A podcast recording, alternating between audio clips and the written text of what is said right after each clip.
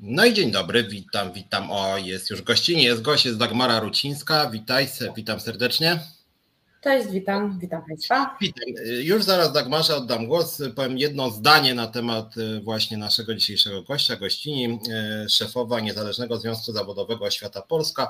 Od niedawna jest częścią Związkowej Alternatywy, ma też swoją historię wcześniejszą mm, i przyjęliśmy ten związek i on do nas wstąpił y, po to, żeby stworzyć alternatywę w szkolnictwie. I to nie tylko alternatywę wobec e, ZNP czy wobec rządu, ale w ogóle alternatywę dla szkolnictwa, że chyba wszyscy się zgadzamy, że szkolnictwo takiej naprawy wymaga i o tej naprawie zaczniemy przynajmniej dzisiaj e, rozmawiać. Ja mam taki dzisiaj dziwny strój, tylko wam się pochwala. To jest moja korporacyjna koszulka, związkowa alternatywa. E, e, więc witam raz jeszcze Dagmarę. No, chcieliśmy dzisiaj porozmawiać o dwóch problemach. Na początek może zapowiem dzisiejszy program. Pierwsza część będzie na temat właśnie oświaty, szkolnictwa, druga część na temat ZUS-u.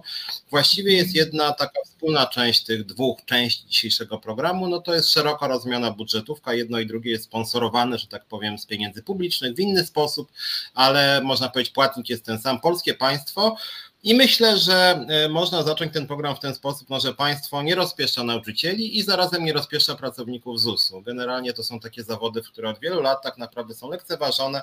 Myślę, że też się zgodzimy od razu, przynajmniej mi się tak wydaje, że wcześniejsze władze też jakoś tak strasznie nie szanowały ani jednych, ani drugich.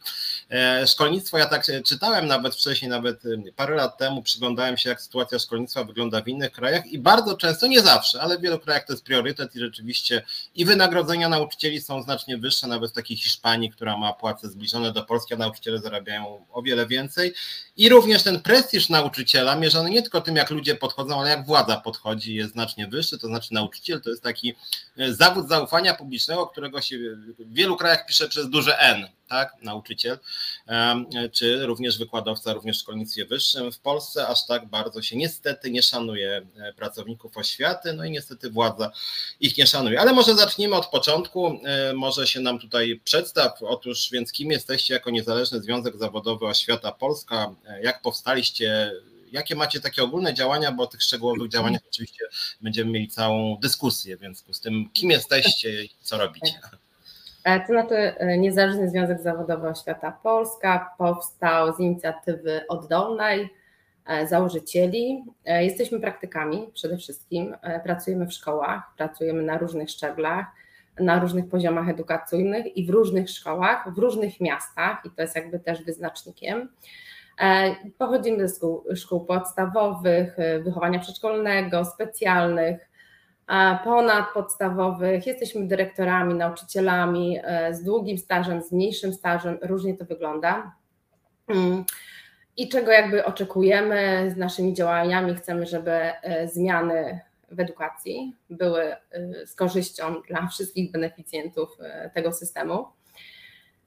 Chcemy, żeby były oparte na sprawdzonych działaniach, konsultowane społecznie, rzetelnych konsultacjach tak, oraz dialogu dlatego że szkoła jest różnorodna, e, społeczeństwo jest różnorodne ze swoimi opiniami, poglądami e, i jakby szukamy takiego e, środka, w którym byśmy mogli mm, się znaleźć wszyscy i edukować następne pokolenia, dlatego że edukacja uważamy, że jest podstawą rozwoju społeczno-gospodarczego kraju. Jest najważniejszym elementem, bez edukacji nie ma żadnego zawodu. Zaczynamy od edukacji od najwcześniejszych lat i, i praktycznie uczymy się przez całe życie. E, również jesteśmy organizacją niezależną, e, tak, e, chyba też w takiej w takim poczuciu, tak, że te struktury, pewna formuła struktur się wyczerpała. I wierzymy głęboko tak, w to, że być może będziemy mieli, chcemy mieć, tak, albo też razem z pracownikami oświaty, bo tu szeroko pojmujemy edukację, bo edukacja to nie tylko szkoła podstawowa, tak? to są również placówki różnego rodzaju mowy, mosy. E, e, jest dużo jakby instytucji edukacyjnych, dlatego oświata polska, a nie stricte edukacja, bo to jest bardzo szerokie pojęcie. Nie zgadzamy się na degradację oświaty, która od 30 lat postępuje raz mniejszym stopniu, raz większym, reformy, niereformy różnego rodzaju. E, potrzebujemy stabilizacji i spokoju, tak przede wszystkim, żeby e, odpowiadać na wyzwania świata, tego współczesnego, ale również tego przyszłego. E, mamy taką wiarę, że dzięki wspieraniu pracowników oświaty i dążeniu do ich współpracy mamy szansę na przełamanie opozycji między nauczycielami, rodzicami, uczniami, bo tylko um, społecznościami lokalnymi, bo tylko tak jesteśmy w stanie coś zmienić. Zacznijmy może od, e, już tak przyglądając się bardziej e, sytuacji nauczycieli w Polsce i w ogóle pracowników szkolnictwa. Ostatnio w mediach wiele czytamy o tym, że mamy coraz większy niedobór nauczycieli i rzeczywiście z wielu części Polski, sam nawet mam takie sygnały. E, no i tak, słyszymy, że nauczyciele rezygnują z zawodu, rezygnują z pracy. Władza uspokaja i mówi, że to jest e, marginalny problem. No właśnie, jaka jest prawda? I jeżeli jest tak, że rezygnują, to właściwie dlaczego? Co się takiego dzieje? Czy, czy chodzi o pensję, czy chodzi o coś jeszcze? Jak to wygląda i czy rzeczywiście i czy rzeczywiście mhm. mamy problem z niedoborem nauczycieli? Jak to wynika z Twojej wiedzy? E, to znaczy tak, różnie wygląda w różnych, e, w różnych regionach. Mamy informacje z całej Polski. Tak, nauczyciele odchodzą, rezygnują z pracy ci, którzy mogą e, znaleźć na rynku pracy, mają szansę na, in, na inne zajęcie i oni rezygnują bardzo szybko. E, nauczyciele, powiedzmy sobie, pracownicy oświaty są wykształceni, e, są elastyczni, posiadają wiele kompetencji, które są pożądane obecnie na rynku i bardzo szybko znajdują tą pracę. E, nawet nauczyciel z długim stażem potrafi znaleźć pracę. Mówią o, to o tym media społecznościowe. Mamy przykłady z naszych najbliższych otoczenia, że nauczyciele rezygnują, złożyli wypowiedzenia do końca maja, bo taki mieli czas, tak? I z dnia 1 września, września się będzie e, ten proces pogłębiał. E, nie wiadomo, jak zaczniemy z, z wrześniem, z 1 września. Dlaczego rezygnują? Po pierwsze, problemów jest masa, całe mnóstwo. I tak, w szkolnictwie jest rozbieżność między ideałami, modelami edukacyjnymi, tak, a, a tym, co oferuje pracodawca jako szkoła. E, no niestety, ciągłe zmiany od 30 lat, jesteśmy e, w permanentnej reformie.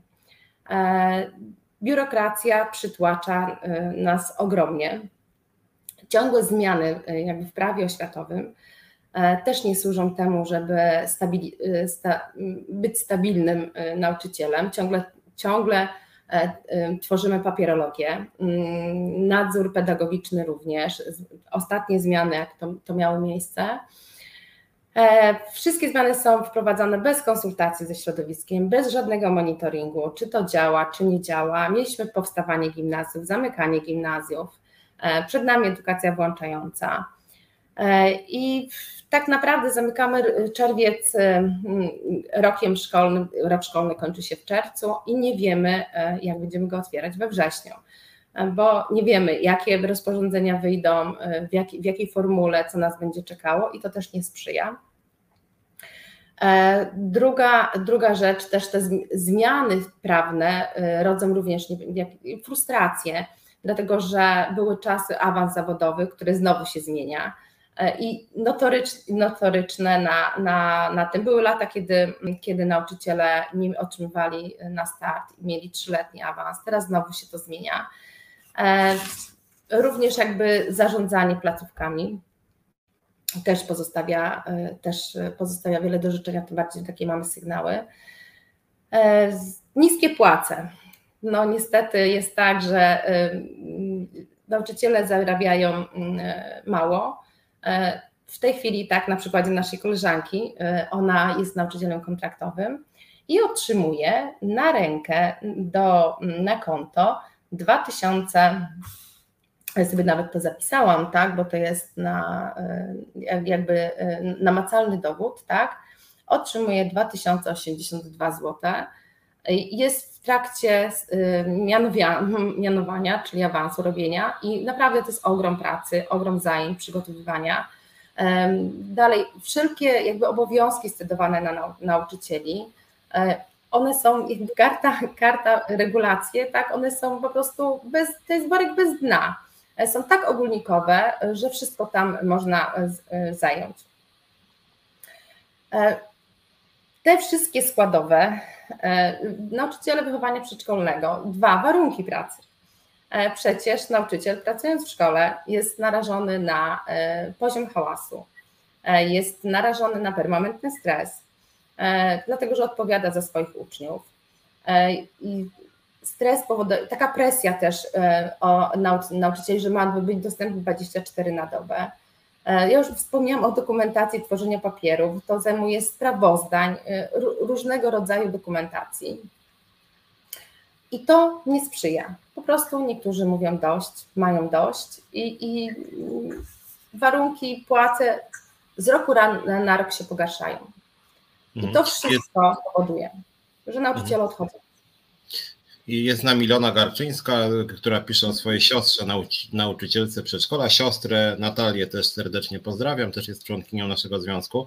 E, Teresa Sienkiewicz pisze, że Czarnek robi to celowo, nauczyciele zaczną masowo się zwalniać, on zatrudni swoich i sowicie ich wynagrodzi. To jeszcze pewnie chwilę, bo oni na razie nie mają specjalnie pieniędzy, chociaż być może e, taki jest plan. Natomiast chciałem się ciebie spytać o te pensje, bo rzeczywiście mam wrażenie, że być może to jest sukces władzy, że trochę się udało społeczeństwo skłócić odnośnie oceny nauczycieli i część polskiego społeczeństwa uważa, że ci nauczyciele to są w ogóle tłuste koty. I są takie, które władza też podkręca tego typu, e, tego typu wyobrażenia, bo środowiska nauczycielskie mówią właściwie wszystkie, że nauczyciele mało zarabiają. Ja też uważam, że mało zarabiają, ale z drugiej strony to się tak czasem niby poza kontrolą wyrwie jakiemuś posłowi PiSu, a czasem to jest po prostu jakiś tam liberał, czy po prostu osoba e, postronna, że przecież ci nauczyciele to w ogóle czasem wyciągają nawet 10 tysięcy złotych miesięcznie, więc kto tu w ogóle będzie mówił o jakichś tam dwóch 2100. No właśnie, jaka jest prawda o tych nauczycielach? Bo ja przyznam szczerze, że też jak chodzi o, jednostki, zdarzało mi się słyszeć, że są nauczyciele, którzy zarabiają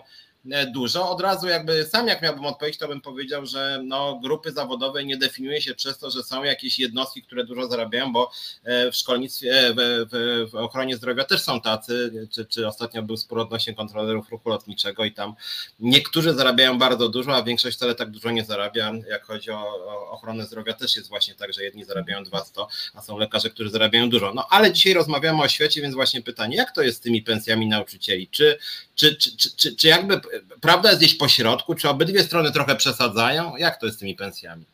To znaczy tak, pensja nauczycielska składa się z wielu składników. To jest przede wszystkim. E, osiągnąć zarobki, które mówi się w przestrzeni, tak, może nauczyciel pracując na dwóch etatach.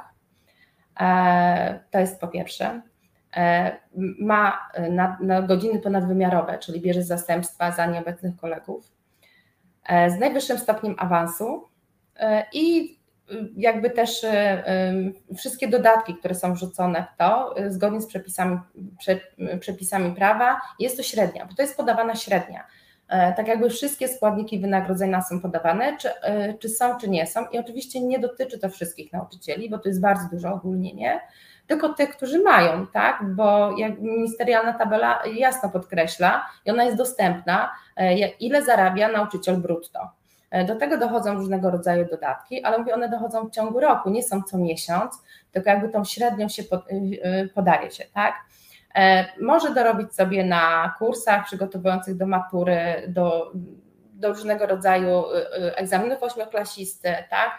Czyli podawanie właśnie ta, takiej, to tak jak mówienie, że pensja minimalna w, w, w, w Polsce wynosi 5 tysięcy, tak? No bo to jest jakby półtora tego, co, co, co zarabia. Zresztą pod, nie, nie jest powiedziane, że to jest brutto czy netto. To jest brutto, tak? Czy jakby netto, i że mówimy o 10 tysiącach, bo i takie kwoty się pojawiały, no to jest 7 tysięcy netto. E, I, I mówię tak jak ze wszystkimi składnikami, z trzynastką, e, która jest raz w roku, e, z wczasami pod gruszą, która jest raz w roku, z dodatkiem motywacyjnym, który jest, który jest, a może go nie być. Naprawdę tych składowych jest bardzo wiele. I to też jakby nie pomaga środowisku, tak, żeby mówiono tak, tak, ja zarabiam mało, bo za poświęcony czas jest dostępny 24 4 godziny tak naprawdę. E, pytanie, czy my jako społeczeństwo chcemy takich, e, takich nauczycieli, którzy ciągle biegną, ciągle nie mają czasu, pracują w dwóch, trzech szkołach, bo tak się zdarza, i mają e, kosztem swojego zdrowia, swojej rodziny, ileż można wytrzymać, tak? I to powiem szczerze, nie jest dobrowolna decyzja, bo nam mówimy o tej właśnie misji nauczycielskiej, no czasami po prostu patrzą też z korzyścią, żeby to było z korzyścią dla ucznia, no i biorą te nadgodziny, tak? Jest to konieczność bo po pierwsze, albo dyrektor by nie spiął planu lekcji, nauczyciel młody zaraz po studiach no nie jest w stanie się utrzymać tak, z jednej pensji, dlatego on musi dorabiać, jakby jest zmuszony, tak. jeżeli mówimy, że nasza koleżanka jako nauczyciel kontraktowy zarabia 2089 zł netto na rękę, no to teraz wynajem mieszkania y, tak, pochłania jej połowę pensji, czyli jest zmuszona w pewien sposób, żeby, jeżeli jest okazja w ten sposób robić. Dwa, to też, y, tak jak już mówię, też czasami patrzymy z korzyścią dla ucznia, no bo dyrektor nie spełnił planu, nie byłoby lekcji, chociaż teraz to już się zaczyna pogłębiać. A gdzie jest doskonalenie zawodowe, bo karta nauczyciela obliguje tak, do samorozwoju, gdzie doskonale, gdzie szkolenia, gdzie dalej? No, trzeba jasno sobie zadać pytanie, czy jako rodzice oczekujemy takich pracowników oświaty, którzy są ciągle zabiegani i nie mają y, czasu y, i komu powierzamy własne dzieci? To może jeszcze chwilę o tym, o tym czasie pracy, bo znowuż są spory i też zawsze tak. pracownicy się kłócili z różnymi tam ekspertami czy w cudzysłowie czasem ekspertami, nawet typu minister Czarnek, e, czy jacyś tam jego ludzie z ministerstwa, którzy mówili, że ten nauczyciel to właściwie no to krąży po społeczeństwie, tak, że ten nauczyciel to właściwie co on tam ma, ma długie wakacje, a poza tym to on przecież tylko przychodzi do szkoły i właściwie czas pracy to co to w ogóle jest, że on pracuje właśnie nawet nie 40 godzin, tylko, tylko o połowę mniej niekiedy. E, z drugiej strony nauczyciele zawsze mówili, że oni pracują wręcz znacznie dłużej niż 40 godzin e, tygodniowo. No właśnie, więc znowuż jaka jest prawda? Ja wiem, że pytanie o statystycznego nauczyciela nie ma sensu, bo są nauczyciele, którzy pracują e, mało, są tacy, którzy pracują dużo, a część, część przeznacza więcej czasu na pracę w domu, część mniej. Ale generalnie jak to jest z tym czasem pracy nauczycieli? Jak to w praktyce właśnie takiego przeciętnego, no znowu w cudzysłowie trochę przeciętnego, jak przynajmniej to widzisz, jak chodzi o, tą, o ten znaczy, czas pracy? Tak, znam, znam różnych nauczycieli, na swojej ścieżkę zawodowej poznałam wielu e, i powiedzmy sobie jasno, nauczyciel pracuje 40 godzin. Ten czas nie może przekraczać i reguluje to stosowne przepisy, bo reguluje to karta nauczyciela. E, my widzimy jako społeczeństwo tylko ten czubek góry lodowej, kiedy on stoi przy tablicy, kiedy jest fizycznie w szkole, bo tak naprawdę inną e, pracę, resztę pracy świadczy w innych miejscach. Nie jest to szkoła typowo, bo albo przygotowuje się do zajęć, albo przygotowuje materiały, jeżeli chce ciekawą lekcję, albo się samodoskonali, albo jeździ na szkolenie, albo jeździ na wycieczki, e, albo przygotowuje dokumentację i tego stricte nie widać, tak? Albo sprawdza sprawdziany, e, czy tam e, zadania te, które są przewidziane kartą nauczyciela, a tego, tego e, czasu jest dość sporo. I teraz tak, Instytut e, bierze udział w zebraniach, w radach pedagogicznych, jest dostępny, odpisuje na maile, jest dostępny dla rodziców i tak dalej, i tak dalej. Tych obowiązków jest bardzo dużo i można byłoby je mnożyć. I teraz e, Instytut Badań Edukacyjnych opublikował, opublikował swego czasu wyniki badania nad czasem pracy nauczycieli i okazało się, że statystyczny nauczyciel pracuje 47 godzin tygodniowo. E, dodajmy jeszcze, że pensum nie jest równe dla wszystkich. E, w różny, pensum jest zróżnicowane i tak dla przedmiotowców. I waha się od 18 do 30, bo pani na przykład, pan czy pani, nauczyciel, zatrud, nauczyciel, nauczycielka zatrudniony w bibliotece ma 30 godzin, a tak naprawdę stałe jakby obowiązki, e, które są, zajmują mu 35 godzin tygodniowo, no to sami widzimy, że ta 40 już nam się nie spina, bo zostaje nam 5 godzin. Teraz pytanie, czy mam poświęcić je uczniowi, czy mam się doskonalić, e, czy mam przygotować się do rady, czy mam pisać sprawozdania i, i te, tego naprawdę jest ba, ba, bardzo dużo. Mm, e, jakby tak procentowo to e, ująć, tak, to wszyscy, tak jak mówię, widzą to, to, to co stoi przy tablicy, to pensum, ale tak naprawdę pracujemy 40 godzin, tak jak każdy pracownik. Nie możemy tego czasu przekraczać. Jeżeli przekraczamy, powinniśmy według kodeksu pracy mieć to zwracane w różnych formach. Niestety też tak się nie dzieje, bo y, jakby porównując też y, czas pracy na przykład kierowcy y, zawodowego, E, tak, to on, y, jego karta monitoruje czas pracy i nie wolno tego przekroczyć. I są organy, które nadzorują to, tak, bo jest e, tachometr, sprawdza inspekcja drogowa, policja, pracodawca, bo za to są surowe kary i tak dalej, i tak dalej. E, I teraz widzimy, że nauczyciel na wycieczce ma mniejsze prawa niż kierowca praktycznie nie ma praw, tak? bo on sprawuje opiekę 24 tak praktycznie na dobę i jest odpowiedzialny za tą młodzież, ale to jest jedna, jedna. Organizuje jeszcze wydarzenia, różnego rodzaju życie szkoły, tak? są opiekunami wolontariatów, naprawdę tego, tych zadań jest mnóstwo. I tak to wygląda praca nauczyciela statystycznego. Teraz chciałbym e, spytać o rzecz w zasadzie kontrowersyjną i najtrudniejszą, to znaczy co z tym fantem zrobić. Inflacja wynosi ostatnio 13,9. E, e, my, no chciałoby się powiedzieć, że jako bojowy związek zawodowy o tyle w cudzysłowie się cieszymy, że wielu ludzi się do nas zgłasza, bo mają po prostu dość tego, że im spadają realne pensje, więc my staramy się ich mobilizować do protestów.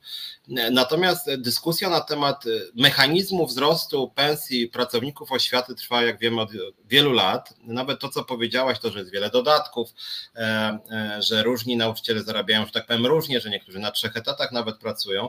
E, no i właśnie, pytanie, czy nie warto byłoby, ja wiem, że to jest temat rzeka i sami nawet jakiś czas temu we dwójkę o tym rozmawialiśmy dłużej, że to jest jeszcze Monika Żelazik, tam też była przedstawiciel Twojego związku, że sprawa jest trudna. Tutaj dwa głosy są z naszego forum, które jakby sugerują bardzo kontrowersyjne, nazwijmy to rozwiązania. Bartkam pisze, że nauczyciele powinni porzucić kartę nauczyciela, przejść na 40-godzinny e, czas pracy tygodniowo z urlopem normalnym itp.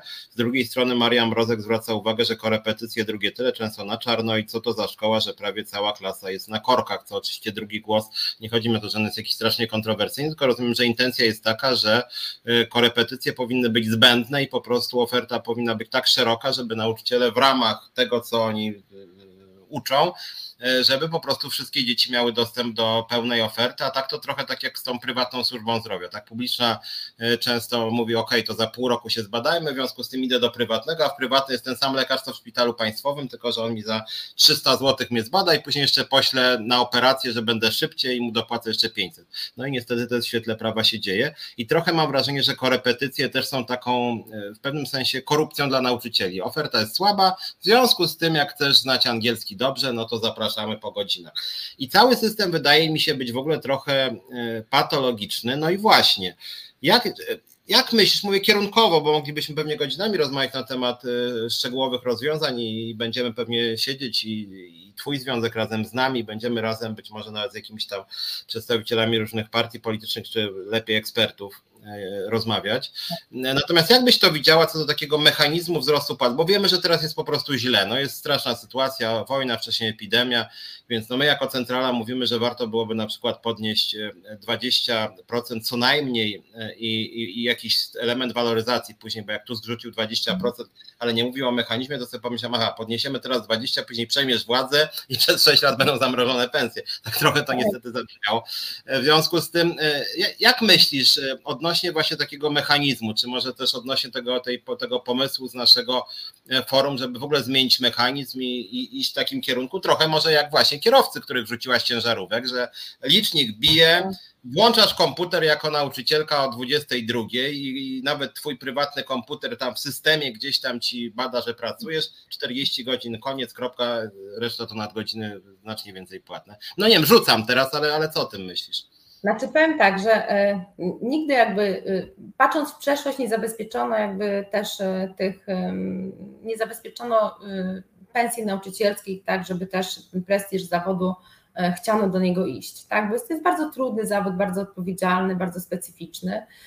Wiele jest takich zawodów, ale jakby to też w trosce jakby za odpowiedzialność za państwo, tak, mówimy, że edukacja jest filarem rozwoju gospodarczego, społeczno-gospodarczego państwa. Tak? I to jest bardzo trudny temat, w jaki sposób e, jakby trzeba by było konsultować to naprawdę społecznie z nauczycielami, bo e, różne pomysły padają. Jakby upatruje się w tym, że pracujemy 40 godzin, tak? No to nie jest tak, że nie pracujemy, pracujemy i znowu pojawia się temat porzucie karty nauczyciela. No to też jest jakby e, kontrowersyjne, dlatego że jedni są za, drudzy są przeciw. Pytanie, jak znaleźć ten środek i ten konsensus, e, żeby zabezpieczyć z jednej strony karta nauczyciela ma pewne przywileje, jakby zabezpieczyć, żeby nauczyciel się czuł pewnie, bezpiecznie, tak jak każdy pracownik, tak? E, było przestrzegane prawo wobec niego i tak dalej, żeby miał e, też e, taki wachlarz praw. Dwa, jesteśmy wykształconymi ludźmi, tak, posiadamy szerokie kompetencje i teraz pytanie, czy bo są też różne pomysły ze średnią krajową i to też jakby trzeba było wypracować jakby w gronie pracowników oświaty, jak ma to wyglądać, dlatego że zobaczmy, nauczyciel zarządza 30-osobową klasą. Tak już bo tak jest, tak? Dlaczego nie potraktować go jako kierownika średniego szczebla na początku jego drogi? i wiadomo później przypilnować, żeby ta waloryzacja była, czyli wraz ze wzrostem czy wahaniami, wahaniami rynku. Ja przypomnę tylko sobie to, że dla kierownika średniego szczebla, który kieruje pracą zespołu, a nauczyciel jest takim, kieruje pracą zespołu klasowego, tak? Mediana wynosi 8667 zł, to jest średnia, tak? To jest mediana, e, która, bo wyżej też jest, bo ponad 12 jest, tak? Ale ja sobie przyjęłam tutaj nie skrajności, tylko środek. E, wynosi tyle. Dlaczego początkujący nauczyciel nie może tyle zarabiać, tak? Jeżeli jest ma kompetencje, jest wykształcony, tak, idzie do zawodu, no nikt kierownika średniego szczebla nie pyta się, tak, e, słuchaj, czy ty sobie poradzisz, czy nie, on wie na co się pisze, i jest przygotowany do tego, żeby skończył studia profilowane takie czy inne. E, z drugiej strony, e, czyli jest wykwalifikowanym specjalistą i tak powinniśmy być traktowani. Tak, że jesteśmy specjalistami w swoich dziedzinach e, i z tego jakby się wywiązujemy, do tego jesteśmy przygotowani. Druga rzecz, jeżeli już mówimy o zarobkach, tak, to przecież, bo powiedziałam, że jesteśmy wykształceni, ciągle się rozwijamy i tak dalej, przyjmijmy sędziego, wymiar sprawiedliwości, tak, czy prokuratora. I tu i tu jest wymagane wykształcenie wyższe. I tu i tu y, jest to odpowiedzialne, bo to decyduje, wpływa na decyzje o innych, tak? Czyli o uczniów, tak? I, i gdzieś w, w innych y, obszarach, tak? E, więc średnie, najniższe możliwe wynagrodzenie sędziego sądu rejonowego, bo to też jest e, podane na gowork.pl, w 2022 roku wynosi 11 284 zł i 27 groszy. I tak by podaję przykłady, e, jak w naszym kraju traktuje się specjalistów, specjalistów, tak? Czyli przyjmijmy, że my nauczyciele, pracownicy oświaty, bo, na, bo ja mówię nauczyciele, pamiętajmy, że to jest jeszcze obudowane, to są wychowawcy ośrodków, e, e, którzy są również nauczycielami, tak? To są psycholodzy, pedagodzy, e, specjalni, naprawdę tego jest masa, rehabilitanci, którzy są zatrudnieni w szkołach. E, dlaczego nie mogliby tego tyle zarabiać jako specjaliści? Mhm. Bo tak, bo tak, tak, tak to wygląda. Ja tak jak Ciebie słucham, też czytam tutaj, że, że ja S, ktoś tu pisze na forum, że, że nauczyciele na trzech etatach pracują, to znaczy im starcza doby na te trzy etaty, a innych by nie było E, nie, nie starczałoby czasu. Znaczy ja tak sobie myślę, bo tak samo jest z ochroną zdrowia, że często ci ludzie są przepracowani i, i, i rzeczywiście też jakość ich pracy niekiedy na tym cierpi. To samo jest, mówię, z ochroną zdrowia, więc może warto byłoby, tak rzucam, bo teraz na głośno myślę, że są na przykład, na przykład w szkolnictwie wyższym w pewnym momencie ograniczyli możliwości pracy na wielu placówkach, także jest ta wiodąca e, i to ma sens, o ile, by te, o ile te zarobki byłyby rzeczywiście godne, bo my na przykład mamy awanturę teraz w skarbówce, którą już trochę lepiej znam niż oświatę, bo mamy tam związek od wielu miesięcy. No i tam na przykład jest tak, że, że kierownik placówki musi dawać zgodę na dorabianie sobie gdziekolwiek, gdziekolwiek, czyli jest grubo, że tak powiem, że nie można. No tak jeszcze nie ma prawa do nadgodzin, w sensie, że można tylko odbierać wolny dzień, ale nie ma większych pieniędzy za to. I to by, ja, ja nawet bym nie protestował, gdyby te zarobki w skarbówce były godne, a że one nie są godne, no to pracownik, który zarabia 3000 na rękę i jemu się zakazuje dorabiać i nie dostaje za nadgodziny, no to on rezygnuje z pracy. Więc moim zdaniem można byłoby pomyśleć nad tym, żeby na przykład nawet jakoś spróbować nauczycielom, nawet nie wiem, zakazywać pracy, nie wiem, w trzech czy iluś tam szkołach, tylko że radykalnie podnieść pensję, radykalnie. I być może tak. to by tak. było dobrym rozwiązaniem. Tylko, tylko mogłoby się okazać, że w małych gminach, tak, jeżeli zrobimy, bo musimy też patrzeć z perspektywy, tak? Dlatego my jesteśmy takim różnorodnym zespołem, bo to, co się sprawdza w dużym mieście, nie sprawdza się u nas, tak? Jakby y, siatka godzin jest taka, jaka jest, i jeżeli historyk ma jedną godzinę historii i jedną godzinę WOS-u, no to on musi, żeby jakby mieć no, zgoda, etat, tak. Pensum, tak, to pensów, no to musi pracować w trzech, czterech szkołach, a jeszcze y, jest tak, że swego czasu by, było tak, E, że trzeba było robić, bo się zmieniały na przykład nazwy, tak? Z biologii przeszliśmy na przyrodę, e, później z przyrody na biologię i trzeba było znowu się dokształcać, robić podyplomówki, bo tylko była zmiana nazewnictwa. E, I jakby też trzeba patrzeć tak, na to, że to, co w dużym mieście, musi mieć również przełożenie na małe gminy. Bo na przykład u koleżanki w Łódzkim pani od chemii zrezygnowała, powiedziała, że ją nie stać na dojazdy, tak, bo miała tam 4 godziny w tej szkole i no, no, nie będzie dojeżdżała. No i to wiadomo, że powoduje kolejny chaos. No edukacja od lat chaosem stoi.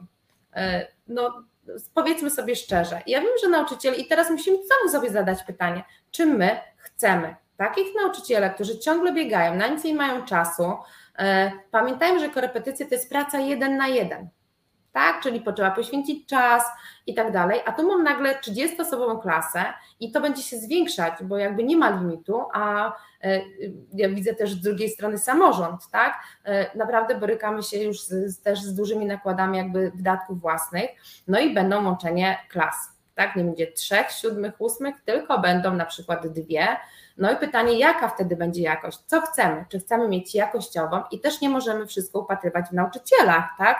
No bo jakby mają przekazać zgodnie ze swoimi mm, kompetencjami, wiedzą i doświadczeniem wiedzę, tak żeby uczniowie, tak żeby ukształtować, zawsze mówimy ukształtować i w jaki sposób to zrobić, tak, przedsiębiorczego i zaradnego obywatela.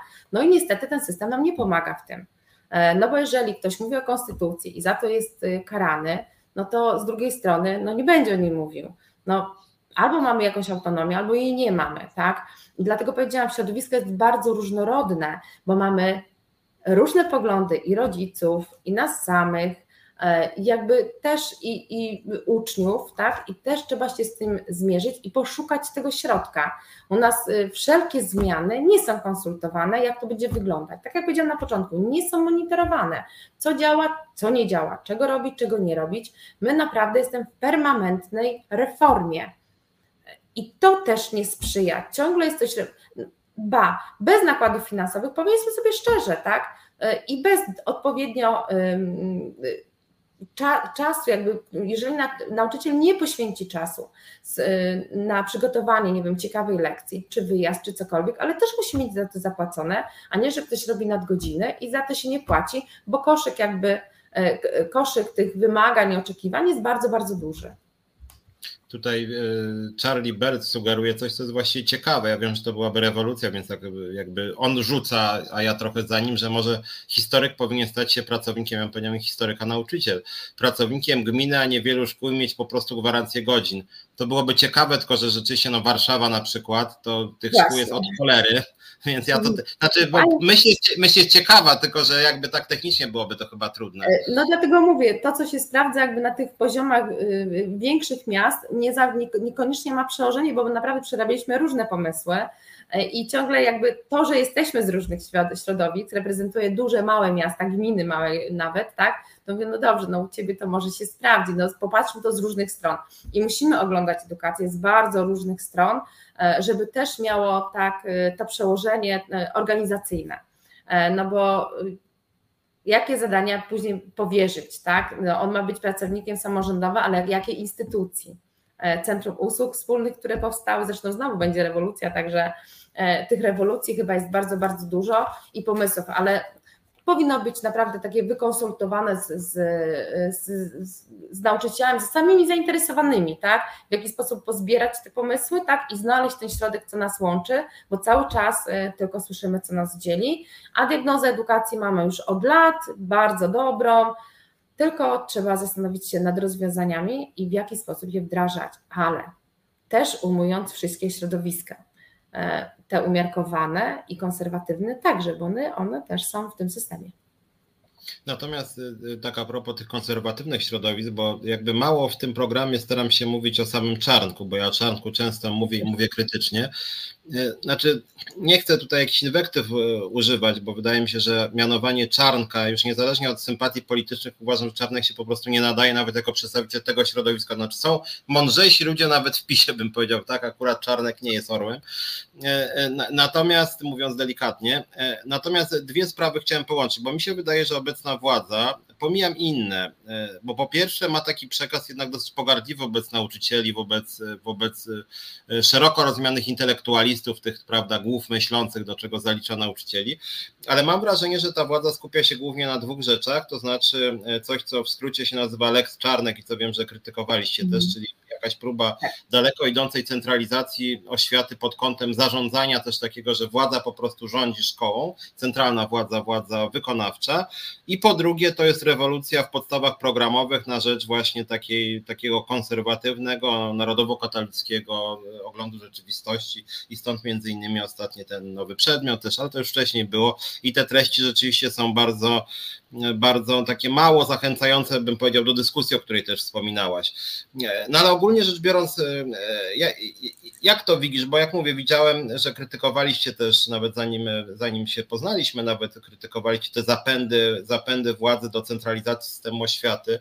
E, jak, jak to postrzegasz? Czy rzeczywiście na przykład widzisz, rozmawiając z nauczycielami, presję o tym, że ta władza tak no, już na grubo wchodzi do szkół i tak mówi, co tam się ma, mówi, że Bóg, honor, ojczyzna? Czy, czy to jest cały czas spór o to? To, to, to widać jakby powrót do starych dziejów, tak, ale też szeroko komentowane przez środowisko, bo jeżeli karta nauczyciela daje nam autonomię, autonomię i wprost jest zapisane doboru metod, technik e, do realizacji podstawy programowej, to z jakiej racji łamane jest prawo? Szkoła e, jest to instytucja, która powinna działać instytucją publiczną, e, działać w ramach, pra, w ramach prawa i w granicach prawa. No jeżeli ktoś ma zapędy, jakaś grupa e, ma zapędy do tego, żeby e, sterować e, autonomiczną, która z góry zakłada nam, konstytucja na to zakłada, tak autonomiczną mm, jednostką, to dlaczego próbuje się takie rzeczy robić, żeby centralizować? To jest po pierwsze, dlaczego odbiera się rodzicom prawo do decydowania? I tu przytoczę konstytucyjne prawo rodzicom do wychowania moralnego, religijnego według własnych przekonań jest to artykuł 53 Konstytucji. Mówi, on wprost również mówi o tym e, Deklaracja Praw Człowieka i na tym jakby też, też się zatrzymam, e, więc próby e, albo już dążenia takie jednej, jednej grupy są bardzo niebezpieczne, bo po innej grupie pojawi się kolejna grupa. Zresztą na przestrzeni dekad co, ja, co partia, bo już nie będę mówić, co partia, tak wprowadza swoje zmiany. My potrzebujemy perspektywy, takiej perspektywy długofalowej, chociaż przy pandemii już wiemy, że, e, że trzeba później to modyfikować i po nauczaniu zdalnym i różnych innych e, historiach, e, czyli potrzebujemy spokoju, potrzebujemy tej autonomii. To rodzic decyduje. Do każdych zajęć, które nauczyciel wybiera, potrzebna jest zgoda rodzica. I dlaczego w ten sposób próbuje się tak trzymać krótko e, jakby całą społeczność szkolną, bo nie tylko nauczyciele, i uczniów, i rodziców, tak? Pytanie takie chyba e, retoryczne, bo chyba nikt na to pytanie nie jest w stanie odpowiedzieć, do czego dążymy? Bo po pierwsze, czy dążymy do tego, żeby, y, nie wiem, rozpowszechniła się edukacja domowa, co jest alternatywą do szkoły publicznej? Czy mają powstawać szkoły y, publiczne, alternatywne, niepubliczne, alternatywne do szkoły publicznej? Teraz pytanie z drugiej strony, tak, kto będzie, kto będzie, kogo będzie stać na te szkoły i czy to nie jest takie dążenie znowu do poszukiwania, no nie wiem, oszczędności, y, że ma być krótko, jak powiemy, tak będzie. No wszystkie rozporządzenia, które wchodzą, nie są konsultowane. Projekt, który wchodzi, nie, jest, nie był konsultowany, albo, a jeżeli był, to był w bardzo wąskim gronie, czyli tylko tych, którzy popierają, tak, ale już jakby nie szukamy, no bo wiadomo, są zwolennicy i przeciwnicy, i tak jak mówię, jesteśmy zwolennikami szukania tego środka, nie po skrajnościach, a cały czas idziemy po skrajnościach i to też e, jest niezgody z przepisami prawa, czyli jakby od samej góry tak, łamane jest prawo. Tak? I na to też nie wyrażamy zgody jako związek, no bo dlaczego mają być łamane prawa pracownicze, zabierane jakby prawa, które są zapisane w karcie nauczyciela, w konstytucji, w deklaracji praw człowieka i nagle tak są odbierane. Takie, taka wolność obywatelska też jest odbierana i wolność decydowania tak o własnym potomstwie, bo to jest najbardziej niebezpieczne w imię, gdzie mówi się dbamy o uczniów, tak, żeby nie zostali zdeprawowani, no przepraszam, mamy tyle problemów, że no, przydałoby się wsparcie. Mierzymy, nauczyciele się mierzą z różnorodną klasą, z różnorodnymi problemami, deficytami, z dziećmi uzdolnionymi, tak, na których po prostu, no tak jak wspomnieliśmy już, no, kiepsko jest z czasem, tak, żeby zaopiekować się, zająć się tym wszystkim przy 30-osobowej klasie. Nie już nie mhm. mówię, jak ktoś jeszcze biega, biega po innych placówkach, tak, no to już jest ma 150, 200 uczniów, różnie to bywa. Dwiema, dwoma problemami jeszcze chciałem się zająć. Mamy kilkanaście minut. Jedna kwestia to jest sytuacja e, e, oświaty związana z napływem uchodźców z Ukrainy. Ukraińców e, przyjechało sporo, chociaż ja mam wrażenie, że rząd już sam nie wie, ilu jest w Polsce uchodźców z Ukrainy, ilu jest Ukraińców, krótko mówiąc. Zresztą już przed, jeszcze przed wojną tych Ukraińców w Polsce szacuje się, że było około półtora miliona. Teraz przekroczyła granicę, z tego co czytałem, to już nawet 4 miliony, ale z tego bardzo dużo, powiem tak, wróciła na Ukrainę, a z drugiej strony duża część pojechała dalej, więc tak naprawdę sam rząd chyba nie wie, czy to jest bardziej milion, czy na przykład bardziej dwa miliony, a różnice są bardzo duże. No niemniej jednak ważne jest to, że wśród uchodźców z Ukrainy jest relatywnie dużo dzieci. To nie jest ta pierwsza fala mhm. migracji głównie pracujący mężczyźni, później też kobiety częściowo. Natomiast teraz rzeczywiście jest relatywnie dużo dzieci, czy niekiedy to są, e, to są, to są często dzieci e, z jednym rodzicem. Ten jeden rodzic sugeruje się, żeby pracował i też polskie państwo zachęca, żeby ten rodzic pracował. No właśnie, jak, jak, jak, jak napływ tych uchodźców z Ukrainy, tych dzieci przede wszystkim, e, wpłynął na jakość oświaty? Jak oceniasz tą integrację tych dzieci, ofertę dla nich? Czy szanuje się ich prawa?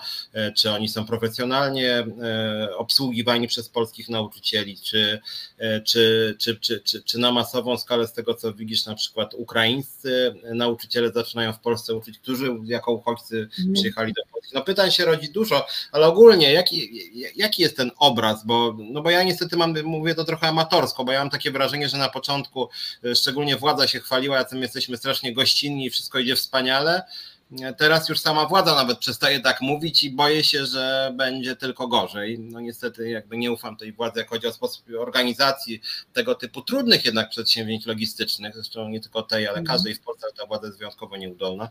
Więc, więc, więc, więc jak oceniasz, jak, jak właśnie dzieci, powiem tak, dzieci przede wszystkim, ale też nauczyciele ukraińscy są włączani w ten system oświaty, twoim zdaniem?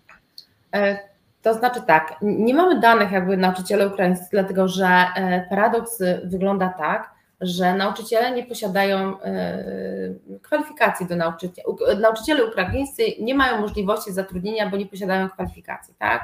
E, to jest pierwsza, rzecz, czyli y, mówiono, że jako pomocy y, czy, czy ten. E, nie mam danych statystycznych, które ani chciałabym jakby śminąć się z prawdą, e, ilu jest zatrudnionych w ogóle nauczycieli w systemie, na przykład nie wiem, w oddziałach przygotowawczych, bo, bo nie, nie, zbieraliśmy jeszcze takich danych.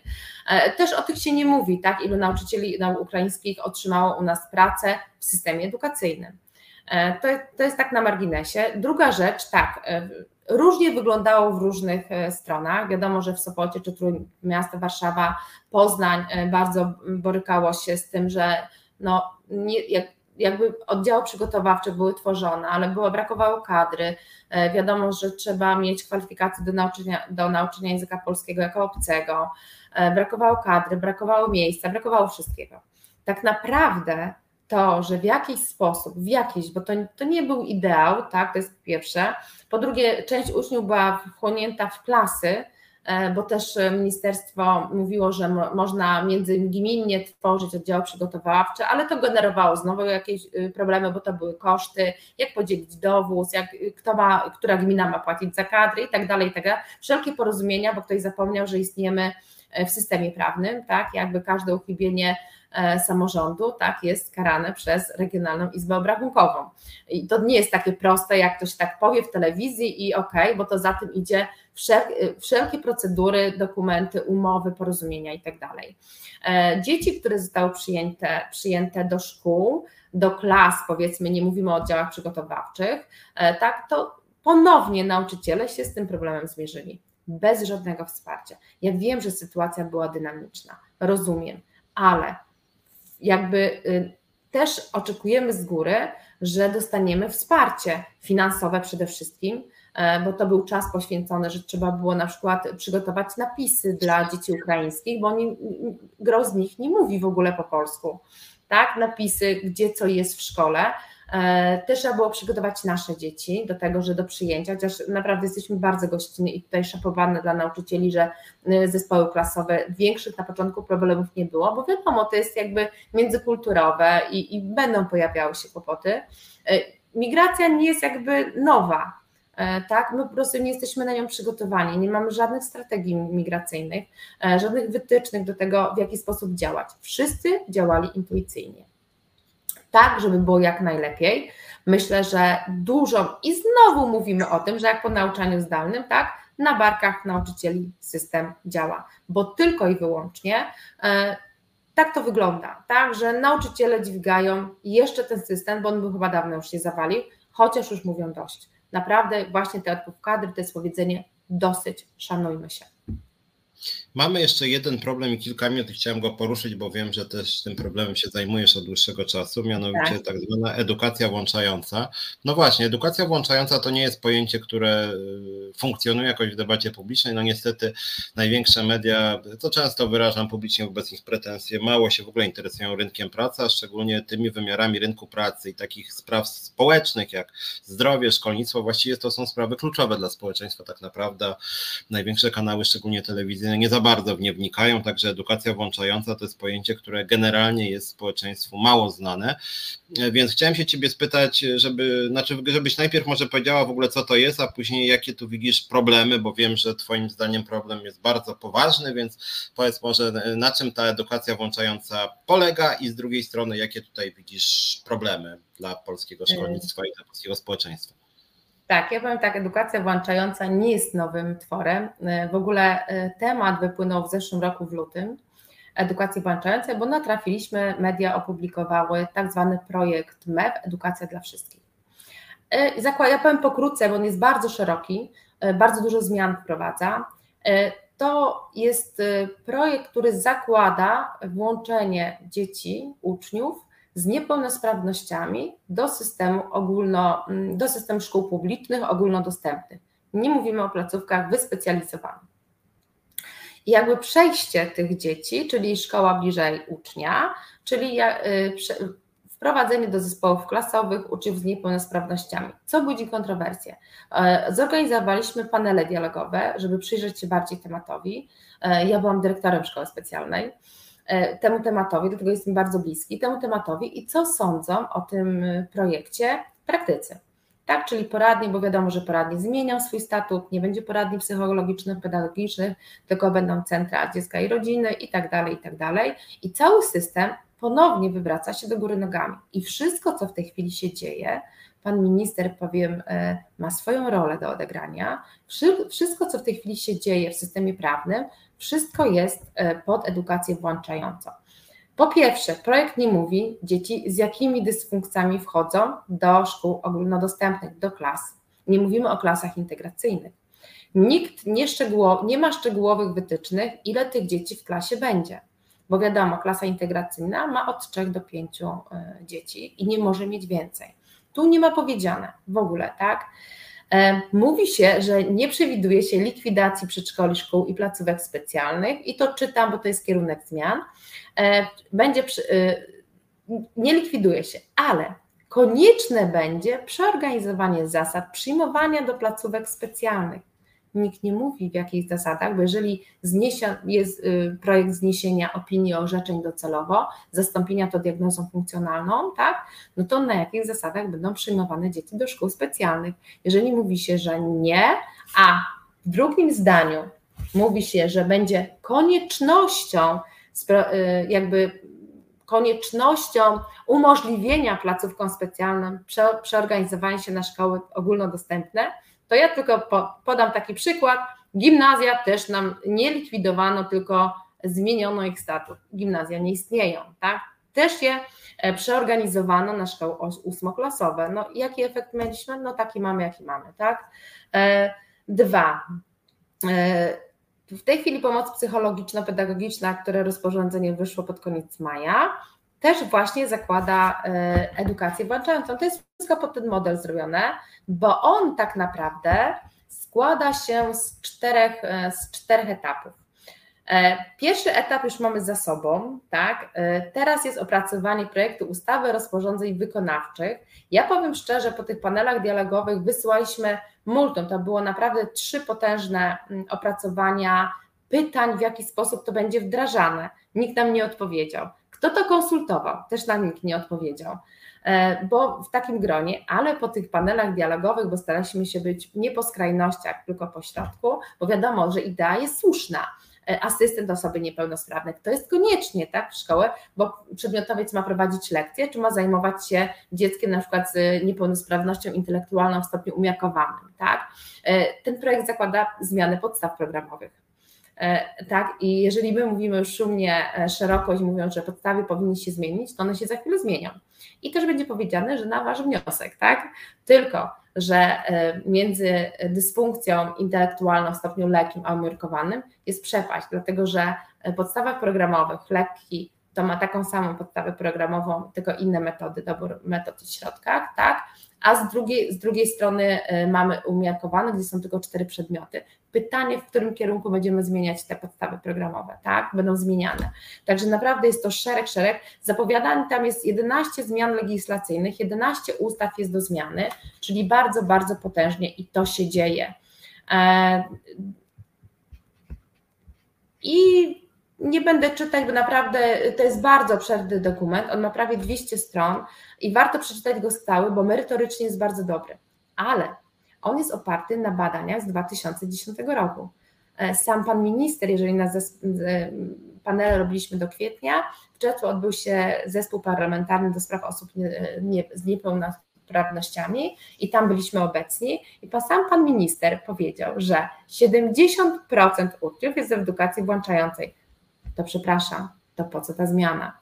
Podejrzewamy, że mają zniknąć placówki, będzie zmiana WAK, też, tak?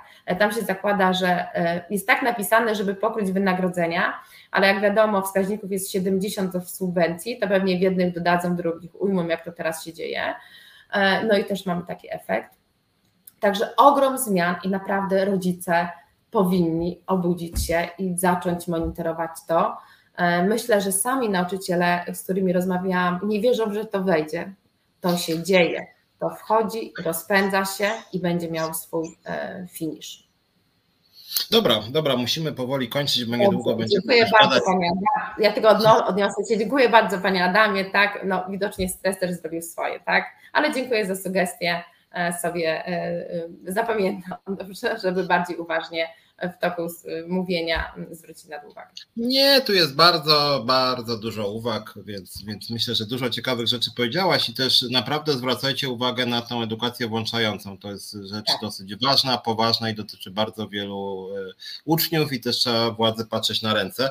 Dzisiaj postanowiłem, że tak sobie pogadamy, żeby zwrócić uwagę na taką, żeby nakreślić taką mapę problemów oświaty. Myślę, że za jakiś czas porozmawiamy bardziej szczegółowo o jakimś, jakichś dwóch czy trzech konkretnych obszarach Natomiast dzisiaj chciałem właśnie tutaj Ciebie i przedstawić i zarazem że chciałem, żebyś nakreśliła taką mapę właśnie tego, co się dzieje w oświacie. No niestety, tak jak słyszeliście, nie dzieje się najlepiej, a przede wszystkim to, co boli, bo pomijając to, że ten rząd jest nieudolny, to ja mam wrażenie, że chaos w oświacie jest czymś bardzo złym, że nawet te pensje są totalnie, to jest wszystko porozpraszane, mnóstwo jakichś dodatków, część umie z tego korzystać, część nie umie, część, część, część która na przykład też no nie, wiem, nie ma swoich dzieci i może sobie na dwa czy trzy etaty pracować, biega od szkoły do szkoły, inni nawet nie mogą mogą biegać od szkoły do szkoły, bo nie mają jak dojechać z jednej szkoły do drugiej. W związku z tym część w ogóle nie ma możliwości nawet sobie dorabiania, nawet jakby chciała. Więc ten system chyba budzi też dużo po prostu niesprawiedliwości. Dobra, bardzo Ci dziękuję. Bardzo dziękuję. Dziękuję Państwu. No. No i do zobaczenia. Myślę, że za kilka tygodni porozmawiamy, a my sobie zróbmy teraz może krótką przerwę i po przerwie z Iloną Gwarczyńską porozmawiamy o tym, co się w ZUS-ie dzieje. W ZUS-ie się dzieje, no chciałoby się być niestety bardzo wiele, w szkolnictwie też się dzieje bardzo wiele, natomiast w ZUS-ie no, dotknęło nas to, że nasza liderka na przykład została zwolniona dyscyplinarnie co jest taką nieciekawą rzeczą i zarazem nietypową, która no nie powinna mieć miejsca, żeby zwalniać liderów dyscyplinarnych, dyscyplinarnie liderów związkowych i to jeszcze za to, że oni zachęcają do protestów, więc tam się dzieje nieciekawie. Dobra, zróbmy przerwę krótką na piosenkę. Raz jeszcze na razie Dagmara, widzimy się niedługo, e, trzymaj się. No, a my się zaraz widzimy. Słuchasz Resetu Obywatelskiego. No i witamy. Piotr Szymewicz jest Ilona Garczyńska. Cześć Ilona. Nie słychać cię coś, coś. Halo, nie słychać cię. Coś z kamerą musisz, znaczy coś z dźwiękiem musisz zrobić. Może przejść na, na komórkę. Zaraz, zaraz się połączymy. Myślę, że. Halo. Jak teraz jest? O, o, halo, jeszcze raz. Okej? Tak? Jest w porządku? Tak jest. O, teraz świetnie. No jesteś bardzo sprawna, proszę. Widzicie, w 10 sekund potrafimy rozwiązać problem. Nie słychać, bo Ilony już ją słychać.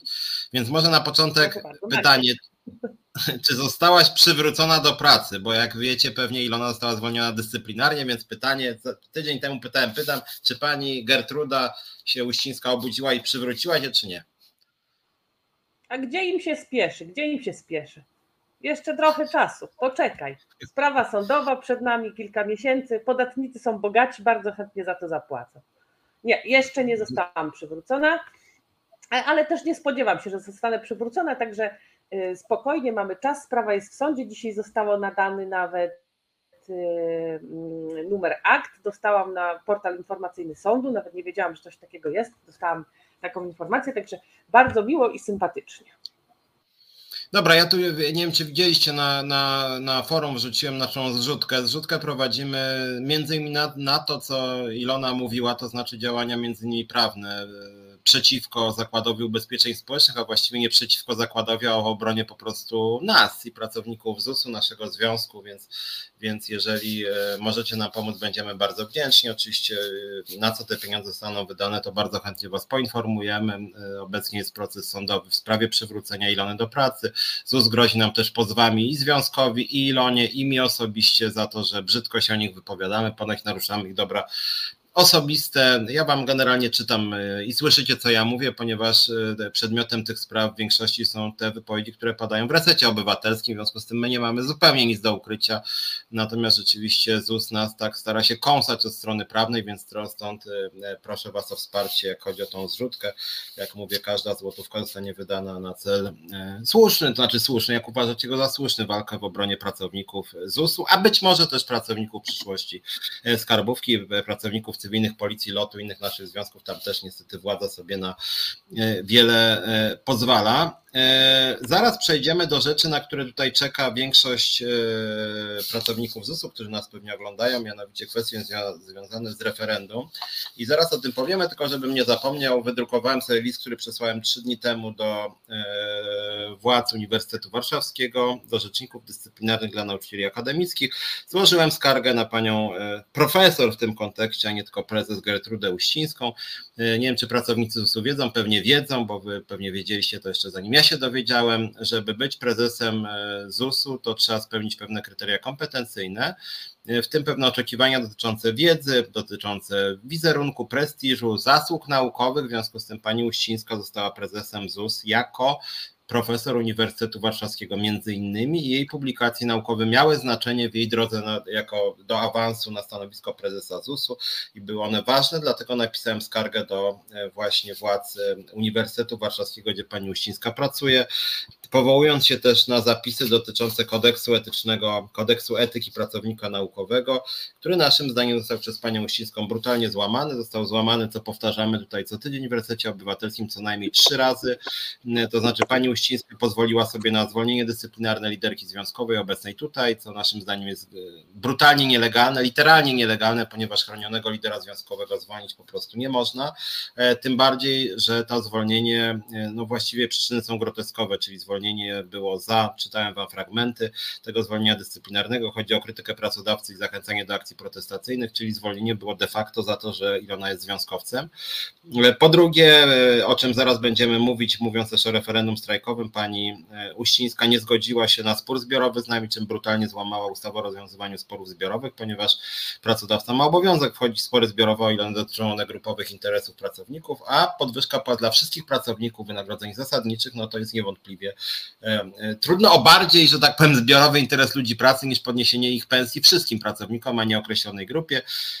Wreszcie przez dwa miesiące pani Uścińska po prostu nas zdelegalizowała, w ogóle nie uznawała naszych władz, odmawiała z nami korespondencji, czym no, nawiązała do niechlubnej tradycji lat między innymi 80., kiedy, czy 70., kiedy też e, władza się nie godziła na istnienie niezależnych związków zawodowych. W związku z tym naszym zdaniem, moim zdaniem, pani Uścińska e, można powiedzieć, zhańbiła Uniwersytet Warszawski, skompromitowała tą placówkę i dlatego powinna ponieść konsekwencje. Stąd moje pismo do rzeczników dyscyplinarnych dla nauczycieli akademickich, gdzie napisałem takie obszerne pismo, nie chcę go cytować, bo mówię, chcieliśmy dzisiaj więcej powiedzieć właśnie o tych kwestiach związanych z referendum, natomiast skarga dotyczy właśnie tego, że pani Uścińska psuje wizerunek Uniwersytetu Warszawskiego, działa na szkodę Uniwersytetu i powinno być wobec niej postępowanie dyscyplinarne. Oczywiście też będziemy się zwracać do instytucji e, innych, wszelakich, już się zwróciliśmy do premiera, do prezydenta, e, również do Rady Dialogu Społecznego, napiszę dzisiaj albo jutro i wielu innych instytucji, gdzie będziemy postulować e, odsunięcie od pracy pani Uścińskiej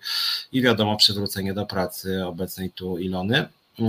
Czy Charlie Bert się pyta, dlaczego sąd w Świdnicy decydował o zakazie protestu? My, my to już tłumaczyliśmy. Tu akurat przekrętu nie ma, czy jakiejś tam sztuczki prawnej, bo po prostu nasz związek jest zarejestrowany w miejscowości, której Świdnica jest, że tak powiem, sądem właściwym, więc tutaj, tutaj jakby e, nie ma tematu.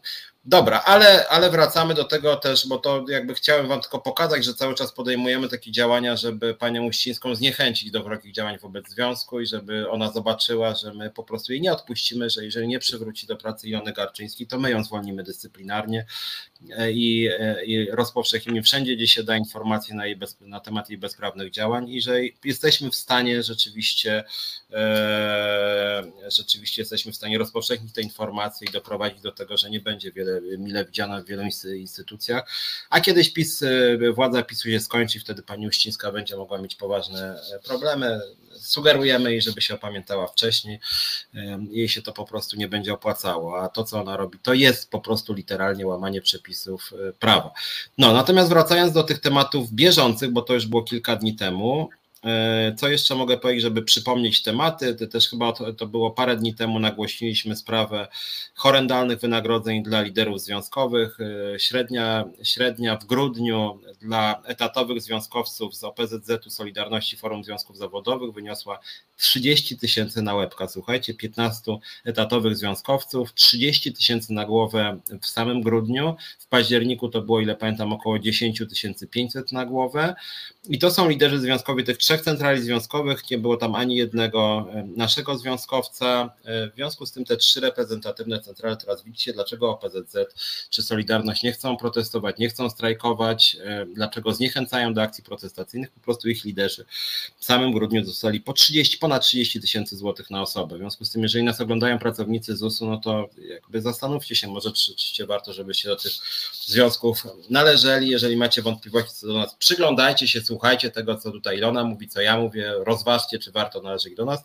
Natomiast z całą pewnością tamtych związków należeć nie opłaca. To jest wyrzucanie pieniędzy e, i po prostu nabijanie kabzy ludziom, którzy są bardzo bogaci, mają jakiś deal e, z pracodawcą, no bo rzeczywiście tak zwany normalny, przeciętny pracownik w ZUS-ie 30 tysięcy, ani nawet kwoty zbliżające się do 30 tysięcy, no nigdy nie zobaczył. Ja, ja muszę powiedzieć, że ja nigdy w życiu takiej kwoty nie zarobiłem w miesiącu, chociaż... chociaż za 10 miesięcy dostaną.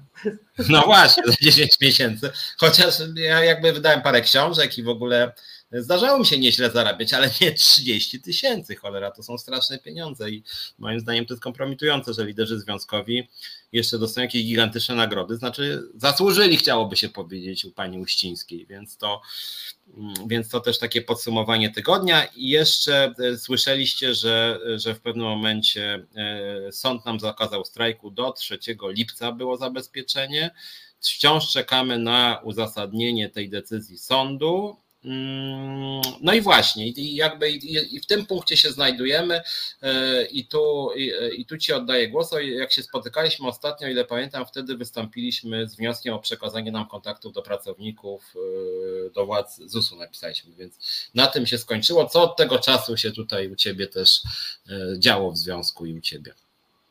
No to powiem krótko, dostaliśmy odmowę i w związku z tym postanowiliśmy, że zrobimy sobie referendum e, strajkowe bez tej listy. Czyli poradzimy sobie bez e, pracodawcy. Pracodawca oczywiście zasłania się e, ustawą, jak zwykle powołuje się na przypadkowe, mm, przypadkowe artykuły. Moi członkowie to dzisiaj dostali, jutro udostępnię to być może dla wszystkich, zobaczymy.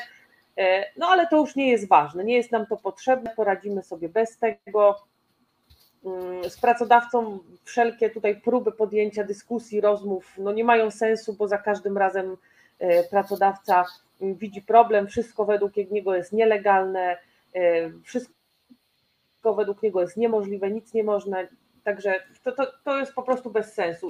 Ja wychodzę z założenia, że uprzedzić mogę raz, nie lubię się przerzucać pismami, to o tym już mówiłam dawno, że, że nienawidzę pisać pism, chociaż w ostatnim czasie ja i ty wysłaliśmy ich setki, mm, bo wysyłaliśmy do posłów, pisałam na Messengera do różnych posłów, także bez większego odzewu. Mm, e, także przerzucanie się pismami ja mogę sobie uskuteczniać, kiedy nie mam nic innego do robienia i mi się nudzi. Wtedy mogę sobie napisać pismo. Ale jeżeli z pracodawcą mam się przerzucać e, na pismo, że pracodawca odpowie, że nie wie, a o co mi dokładnie chodzi. Także no, nie ze mną te numery. Ja tego nie lubię, ja lubię konkrety, lubię działać, lubię działać szybko. E, dlatego postanowiliśmy dzisiaj, że zrobimy referendum strajkowe w dniach od 4 lipca do 14 lipca. Czy centrala zanotowała, czy powtórzyć? Yy, także będzie referendum strajkowe. Yy, o szczegółach poinformuję w niedzielę wieczorem albo w poniedziałek rano. Zobaczymy jeszcze. Yy, w pierwszej kolejności dostaną szczegóły członkowie, później zostanie to udostępnione na forach. Będzie prośba tutaj do wszystkich, żeby to udostępniać dalej, bo ponieważ nie będziemy mieli listy pracowników, bo pracodawca mm, odmawia nam tej listy, żeby y, zyskać na czasie, żebyśmy mu napisali, że jednak z tego artykułu wynika, że wyroki sądu mm, pozwalają na to, no ale, ale to znowu strajk byśmy wtedy, y, czy, czy referendum organizowali za 2-3 miesiące, kiedy pracodawca by uznał, że, że, że to już, kiedy on, on by po prostu chciał, ale tak y, nie będzie. E, będziemy działać szybko i mam nadzieję skutecznie. Dlatego też będzie prośba tutaj do wszystkich pracowników o przekazanie informacji dalej. Czyli jeżeli dostaniecie ode mnie informację, jak to referendum dokładnie będzie wyglądać, ze szczegółami, e, to będę prosiła, żebyście tak po koleżeńsku sobie e, to przesyłali, żeby jak najwięcej osób mogło wziąć udział w referendum. Zdaję sobie sprawę, mm, że nie, nie do wszystkich dotrzemy, no ale tutaj mamy mm, podstawę e, do tego, żeby nie dotrzeć do wszystkich, ponieważ pracodawca takiej listy udostępnia. To jeszcze raz nie. powiedz, e, kiedy się zaczyna 4 lipca, tak? 4 lipca, tak. 4 lipca będzie trwało 14 dni. Czyli do 17. Do 14, do 18, tak, do 18 lipca. 4, 4 lipca do 18 lipca, od poniedziałku do niedzieli dwa tygodnie. Czyli, czyli, czyli, tak, że, że, że, że, żeby to, że tak powiem, wybrzmiało też dla pracowników, bo aż teraz kalendarz otwieram. 4 lipca e, to jest poniedziałek, czyli poniedziałek o godzinie 001 się zacznie i do tego czasu rozpowszechnimy materiały, czy o północy je puścimy i będzie trwało do, 17, y, do końca 17 w niedzielę do 23.59, czyli, czyli formalnie do końca 17, czyli jakby od 4, od 4.001 do 17, 23, 59 formalnie, czyli od, czyli od, od początku jednego tygodnia do końca tego tygodnia Dokładnie. niedzielnego, żeby nie było, bo raz się wyrywał powiedzieli do 14, więc teraz mówię od, od, początku czwartego do końca 17, tak? Natomiast przez ten czas też rozmawialiśmy dzisiaj trochę z Iloną, przez ten czas przygotujemy przed czwartym jeszcze oczywiście przygotujemy to technicznie, żebyście mogli e, głosować i wpadliśmy na taki pomysł, żeby, żeby, żeby rzeczywiście te sądy, żeby, żeby to referendum było przeprowadzone online. E, z ustawy o rozwiązywaniu sporów zbiorowych wynika, że można przeprowadzić referendum online. Nie jest wskazywane, w jaki sposób precyzyjnie referendum ma być przeprowadzone. O formie referendum decyduje związek, który to referendum organizuje. Natomiast oczywiście będziemy wspólnie, wspólnymi siłami robić wszystko i prośba do Was o wsparcie E, żeby, żeby, żeby dotrzeć do większości pracowników ZUS-u, bo jak wiecie, żeby referendum było ważne, musi być 50% plus jeden i za strajkiem 50% plus jeden z tych głosujących. E, wszystko jest do zrobienia. Referendum jest do przeprowadzenia online, jest, e, może być skuteczne, ale tak jak powiedziałam, no to już wszystko będzie zależeć od Was, czy będziecie przekazywać to dalej, czy będziecie się nawzajem informować. Wystarczy, że jedna osoba przekaże trzem osobom, Mm, trzem, czterem osobom, trzem, czterem koleżankom, znajomym, e, tylko bardzo też będę prosiła, żeby nie używać poczty służbowej do tego. Mm, to jest bardzo ważne. Yy, więc, yy, mm, więc jest to do przeprowadzenia. Uważam, że yy, i tutaj podkreślę, że moralny, moralny centralo, zanotujcie sobie, moralny, żebyście później mi nie pisali w pozwach do sądu, że kazałam każdemu brać udział w referendum. Moralny obowiązek udziału w referendum mm, ma, udział w referendum ma każdy, musi, no i widzisz, zakręciłam każdy ma moralny y, obowiązek wzięcia udziału w referendum strajkowym. Ja nie będę naciskać, czy ma zagłosować tak, czy nie. Nie obchodzi mnie, czy ktoś zagłosuje tak, czy nie. W zasadzie w y, ostatecznej kwestii, tak, to jest bardzo ważne, czy zagłosujesz tak, czy nie, no bo od tego zależy, czy będzie strajk. Ale chodzi o to, że udział w referendum powinien wziąć każdy, bez względu na to, czy zaznaczy odpowiedź tak, czy zaznaczy odpowiedź nie. Wtedy będziemy mieli pogląd na to, czy większość chce strajku, czy większość tego strajku nie chce, bo być może dla większości w ZUS-ie jest super, może faktycznie y, średnia wynosi 6800 i tak wspaniale się zarabia, może faktycznie meble są nowe, w każdym pokoju jest klimatyzacja, czy tam klimatyzator, y, także być może jest tak fajnie, że do tego strajku nie dojdzie, mm, albo nie jest to tak fajnie i, i, i, i wygramy referendum i będziemy mogli y, ten strajk przeprowadzić. Mhm. Ja tak otworzyłem, żeby jeszcze, żebyście, bo, bo, chciałem, żeby ta dzisiejsza audycja była trochę edukacyjna. Tutaj cały czas jest ta zrzutka, więc bardzo Was prosimy o wsparcie. Zrzutka służy między innymi temu, żebyśmy mogli to referendum dobrze przeprowadzić, żeby ono było skuteczne. Plus oczywiście obsługa prawna i naszych prawników odnośnie ochrony Ilony i odnośnie, odnośnie organizacji referendum, a ostatecznie oczywiście organizacji strajku, bo liczymy na to, że większość z Was się za tą akcją strajkową opowie, żeby, e, żebyście mieli pełną, pełny obraz sprawy. I proszę bardzo, ja generalnie jestem bardzo uczciwy i czytam e, wręcz literalnie wszystkie papiery, które otrzymujemy od władz Zakładu Ubezpieczeń Społecznych, zresztą to są dowody w sprawie, że ZUS naszym zdaniem łamie bezczelnie prawo, e, więc mam przed sobą ten dokument, on jest bardzo krótki odnośnie, odpowiedź na nasz wniosek o to, żeby nam wydać listę pracowników. Wcześniej może pamiętacie, w mediach ogólnopolskich pan Żebrowski, rzecznik ZUS-u mówił, że że, strajk byłby nielegalny, bo nie ma referendum. W związku z tym my mówiliśmy, że że, woleli, że, że, że, zrobimy strajk bez referendum, ponieważ nam się uniemożliwia przeprowadzenie referendum. Mamy zabezpieczenie sądu, to stwierdziliśmy, ok, jeżeli sąd miałby nas blokować, to zrobimy to referendum tak czy inaczej i wyjdziemy ten sposób naprzeciw e, oczekiwaniom ZUS-u, chociaż utrudnia nam przeprowadzenie tego referendum w sposób straszny, między innymi zwalniając dyscyplinarnie naszą liderkę, odbierając na przykład e, dostęp do skrzynki służbowej.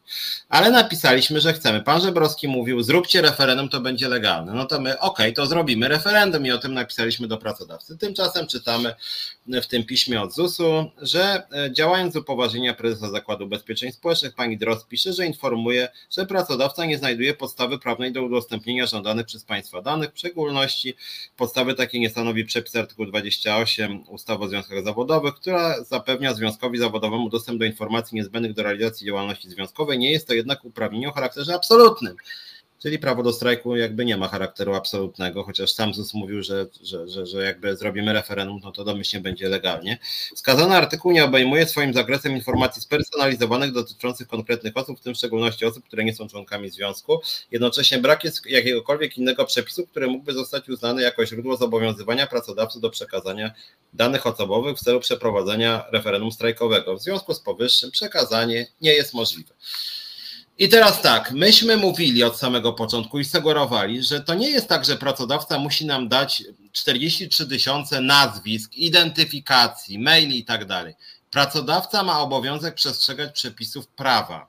W związku z tym mógł nam dać nawet te dane jakoś utajnione, mógł nam dać nawet w postaci numerów. Co więcej, gdyby pracodawca szanował przepisy prawa, to pracodawca mógłby po prostu samemu wysłać nawet tego maila, to znaczy przygotowanego przez nas, wysłać do 43 tysięcy jest intranet. W związku z tym, jeżeli pracodawca na serio przestrzega przepisów prawa, to dlaczego pracodawca, który wysyłał szkalujące nas maile do 43 tysięcy pracowników, a nie może wysłać zapytania, czy jesteś za, e, za akcją strajkową e, e, odnośnie tej, a nie innej sprawy. W związku z tym no jest to jakby widać złą wolę i kolejny przejaw złamania prawa. Najpierw słyszymy, że, że, że strajk byłby nielegalny, bo nie ma referendum, to jak my mówimy, Szanowna Pani Prezes Uścińska, prosimy o umożliwienie nam przeprowadzenia referendum. Chcemy, mamy odpowiedź od Pani Drozd, e, e, która reprezentuje tutaj Panią Uścińską, że, e, że oni nie chcą nam wydać tych dokumentów. W związku z tym, że nie chcą, no to my e, chętnie przeprowadzimy to referendum sami, a zarazem jest to materiał dla sądu, że myśmy chcieli referendum zrobić zgodnie z, e,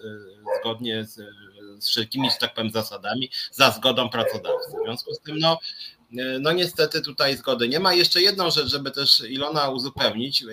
Robimy referendum strajkowe, oczywiście wszystkiego się dowiecie, ale referendum strajkowe dotyczy sporu zbiorowego, który jak pamiętacie weszliśmy jak tylko, jak tylko powstaliśmy w Zakładzie Ubezpieczeń Społecznych.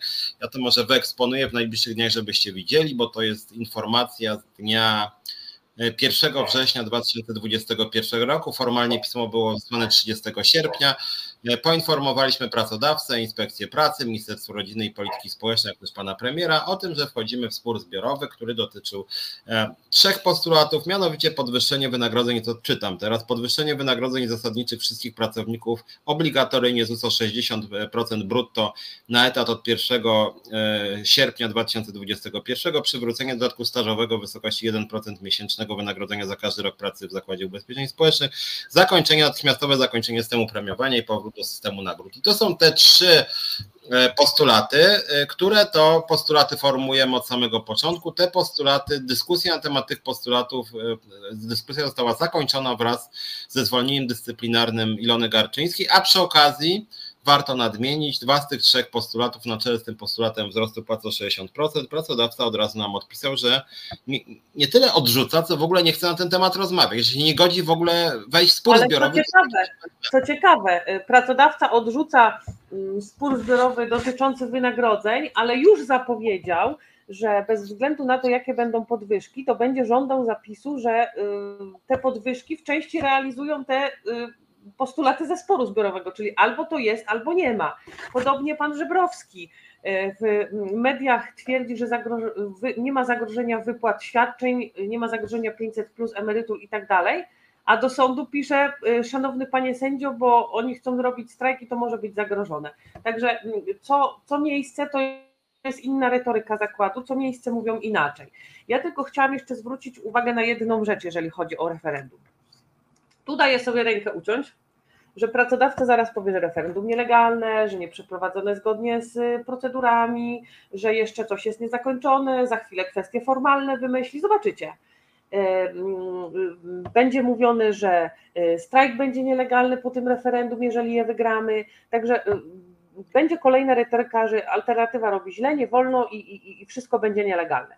Chciałabym, żebyście zwrócili uwagę na jedną rzecz. MPK w Bydgoszczy Strajk nielegalny. Co robią kierowcy? Strajkują. Ochrona. Dwa dni temu w radio mówili. E, zarząd twierdzi, że strajk nielegalny. Co robią ochroniarze? Strajkują. Pielęgniarki strajkują. Wszyscy nie przejmują się tym, że strajk jest nielegalny, bo o nielegalności strajku nie decyduje pracodawca, tylko decyduje sąd. Tak jak miało to miejsce u Piotrka w locie, o czym Piotrek mówił już wielokrotnie. Także retoryka pracodawcy będzie zawsze, że strajk jest nielegalny. Co więcej, sami pracownicy. Ale ja nie mogę wziąć udziału w strajku, bo pracodawca powiedział, że jest nielegalny. Ja nie mogę wziąć udziału w strajku, bo nie dostałam oficjalnego maila. Od kogo macie dostać tego oficjalnego maila? Pani Uścińska ma wam wysłać, że pani Marysiu może pani strajkować, ja pani pozwalam, bo uważam, że dzisiaj strajk będzie legalny na tydzień? No nie. Każdy strajk będzie przez władzę tłumiony, będzie nielegalny. Yy, to jest jeszcze taka moja luźna myśl, ale zwróćcie uwagę, że coraz częściej mówi się o zakażeniach na koronawirusa. Dlaczego? Dlatego, że podejrzewam, że być może jeszcze za chwilę zakażą nam strajkować, bo wszystkie już jednostki budżetowe y, y, chcą dążyć do referendów i chcą strajkować, bo wszędzie jest źle, jest gorzej. Inflacja zaraz będzie na poziomie 15%. W lipcu ma się znowu zebrać y, Rada Polityki Pieniężnej, znowu podniosą raty kredytów. Sami pisaliście na forum, że za do jazdy do pracy płacicie już nie, niektórzy już nawet 1000 zł. Ja dzisiaj mówiłam koleżance, że za jeden wyjazd dzisiaj w te i z powrotem do miejscowości, w której normalnie miałam siedzibę związku, yy, dzisiaj zapłaciłam 42 zł, jadąc w te i z powrotem. A jak gdybym miała tam jeździć codziennie, to złotych. Więc musicie się zastanowić, albo biedniejecie i jesteście na granicy ubóstwa i będziecie korzystać z MOPS-u, albo bierzemy się obroty i, i robimy coś sami dla siebie. Nie możecie stać i patrzeć na koleżankę, nie możecie stać cicho za biurkiem i podjudzać, wy strajkujcie, a ja nie mogę, bo i tu dowolny powód. Nie może tak być.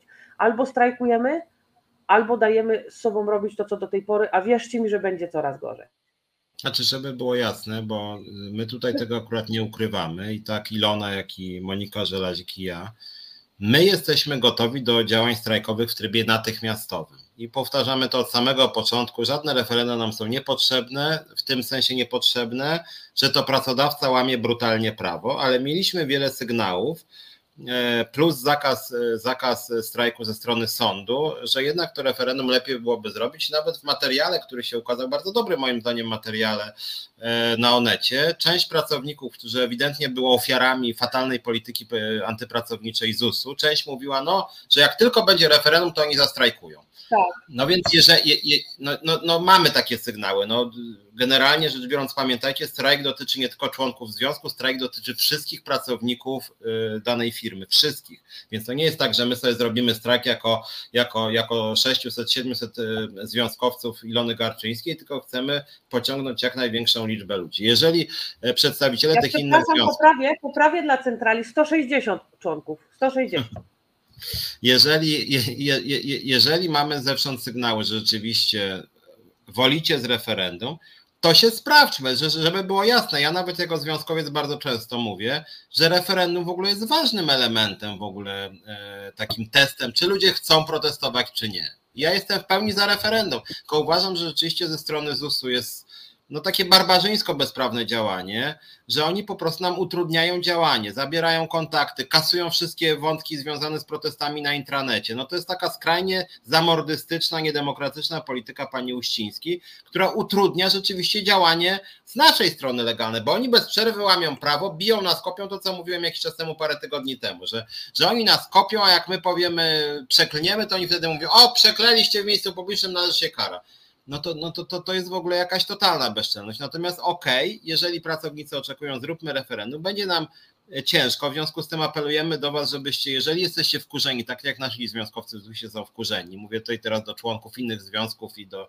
niezrzeszonych, jeżeli jesteście wkurzeni i uważacie, że za mało zarabiacie, no to rzeczywiście pomóżcie nam zrobić to referendum. Po prostu pomóżcie nam. Zrobimy strajk, my domagamy się 60%. Jeżeli pracodawca na przykład powie, no kurde, zablokowaliście 3 czwarte placówek ZUS-u, to my wam proponujemy na przykład, nie wiem, 35%, tak? To my wtedy powiemy, ok, to zróbmy na szybko mini referendum wśród pracowników ZUS-u, czy 35% was satysfakcjonuje. Jeżeli tak, no to kończymy strajk, ale też coś uzyskaliśmy. Jeżeli nie, to strajkujemy dalej. No prosta, krótka piłka. Więc, więc tutaj tak naprawdę e, jest ciężko, pracodawca jest zamordystyczny, natomiast jeżeli wy, drodzy pracownicy ZUS-u, będziecie rzeczywiście zdeterminowani, to my tą walkę wygramy po prostu, no bo, bo, bo ZUS nie ma innych 43 tysięcy pracowników. Jak ci zastrajkują, to po prostu będzie blokada państwa i wtedy ZUS będzie musiał, musiał ulec pracownikom ZUS-u, tak jak państwo częściowo przynajmniej uległo, e, uległo kontrolerom ruchu lotniczego lotniczego, bo po prostu gdyby im nie ulegli, to by, to by niebo nad Polską było zamknięte i tyle. I jeszcze jedna uwaga, dobrze, że poruszyłaś ten temat Bydgoszczy, bo żeby nie było, że my ciągle o tym ZUSie tylko gadamy, ale że tak rozszerzamy też agendę, bo też uczymy się na, uczymy się też na, na przykładach innych działań. Jak chodzi o ten Bydgoszcz, słuchajcie, to kierowcy z Bydgoszczy robią literalnie, literalnie, przynajmniej na oko, bo wiadomo, że sąd zdecyduje, czy to jest legalne, czy nielegalne, ale oni w ogóle sobie olali wszelkie procedury i powiedzieli, wiesz co, pracodawcą, jesteśmy na ciebie wkurzeni i zaczynamy strajk jutro, nie? I zaczęli strajk. I co się stało? Co? Do więzienia poszli? Przyszła, nie wiem, policja i gazem po twarzy im. No zobaczymy, jak oczywiście się to będzie rozwijało. Ale póki co, z tego co czytałem, to już się podał do dymisji e, prezes, e, e, szef zarządu tej, tej spółki w Bydgoszczy. I już, już jest, że tak powiem, głośno, tak? Bo, bo, bo, co oni teraz będą obciążać kierowców? Twierdzą, że 400 tysięcy dziennie traci spółka. To co? To jak będą strajkować miesiąc, to co? Oni będą 30 razy 400 tysięcy, 12 milionów będą oczekiwać od pracowników. Nawet jakby sobie oczekiwali, to skąd oni im to wezmą? Nie wezmą, tak? W związku z tym spółka będzie robić wszystko, żeby się z tymi pracownikami dogadać, bo nie mają innego wyjścia, bo inaczej po prostu siądzie im transport publiczny w Bydgoszczy i tyle. Tak, ale widzisz, piloci też, y, Polska Agencja Żeglugi Lotniczej też już doszła do porozumienia powiedzieli, że będą strajkować i szybciutko doszli do porozumienia. I też tam nie patrzyli na referenda, czy legalny, czy nielegalny. nie zastanawiali się, nie wiem, pół roku, czy wziąć udział, czy może jak będzie referendum, to wezmę, a jak nie będzie referendum, to nie mogę, bo pracodawca powiedział, że nielegalny. Tam nie, tam nie ma. Wstają od biurek i odchodzą, nie ma w ogóle dyskusji. Tylko tutaj jest jakoś ciężko. Y, I ja nie chcę, ja nie chcę tutaj być czarnowidzem, ale nie chciałabym sytuacji, gdzie osoby, które mówiły, no jak będzie, jakby było referendum, to bym zagłosowała i może bym wtedy strajkowała. No to teraz będziecie mieli referendum na życzenie. Jak złota rybka. Chcecie referendum, macie referendum. E, tutaj tak. odpowiem jeszcze Beacie, bo pierwotna data strajku była na 4 lipca. Tak, była na 4 lipca, tylko e, członkowie e, w mailach, nie pamiętam czy jesteś członkinią czy nie, ale w mailach wiele osób wypowiedziało się, że chciałoby ten strajk wcześniej. Że dlaczego dopiero 4 lipca? Dlatego zmieniliśmy datę na tydzień wcześniej, tam 27 Y, ale bez względu na to, czy byłoby to czwartego, czy na przykład piątego, to sąd i tak by to zdążył zabezpieczyć. Czyli mielibyśmy taką samą sytuację, jak teraz mamy, tylko po prostu przesuniętą na ten czwarty lipiec, powiedzmy, nie wiem, do, do dziesiątego na przykład. Y, no i, i znowu byłoby tydzień w plecy. Także stąd, stąd, się, stąd ta data pierwotna 4 lipca nie była, bo to było na prośbę członków o przyspieszenie tego, przyspieszenie tego strajku. Tak, tak. I znaczy, ja też przypominam, my się staramy uczyć, uczyć na różnych błędach i różnych doświadczeniach.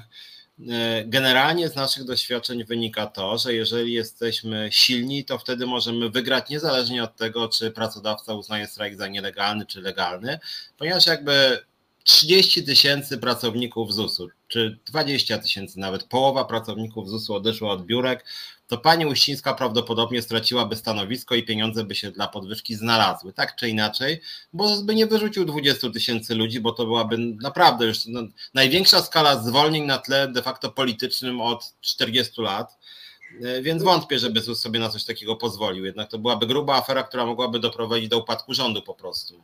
Słuchaj, na pewno tak, bo nie wiem, czy już Ci mówiłam, czy nie, ale generalnie w piątek, czyli przed 27, e, wysłano naczelników, którzy mieli chodzić i pytać się pracowników, czy będą 27 strajkować, pomimo tego, że już było wiadomo o zabezpieczeniu, pomimo tego, że już ten strajk był odwołany i, no i wiadomo, że nie mogliśmy go zrobić, nie mieliśmy prawa go zrobić, bo to jest zabezpieczenie sądu, więc tego zignorować nie możemy ale naczelnicy chodzili, pytali się, grozili pracownikom, że e, do, doszły mnie takie, e, e, że tak powiem, słuchy, że nawet mówiono pracownikom, że centrala przygotowała świetne niespodzianki, że zwolnienie dyscyplinarne to jest nic i nawet mówiono do pracowników, że będą ukrzyżowani na, na Szamockiej w Warszawie, jakieś takie dziwne, bardzo dziwne odzywki do, do pracowników były przekazywane i podobnie było w poniedziałek. Też naczelnicy chodzili i pytali się ludzi, czy będą strajkować.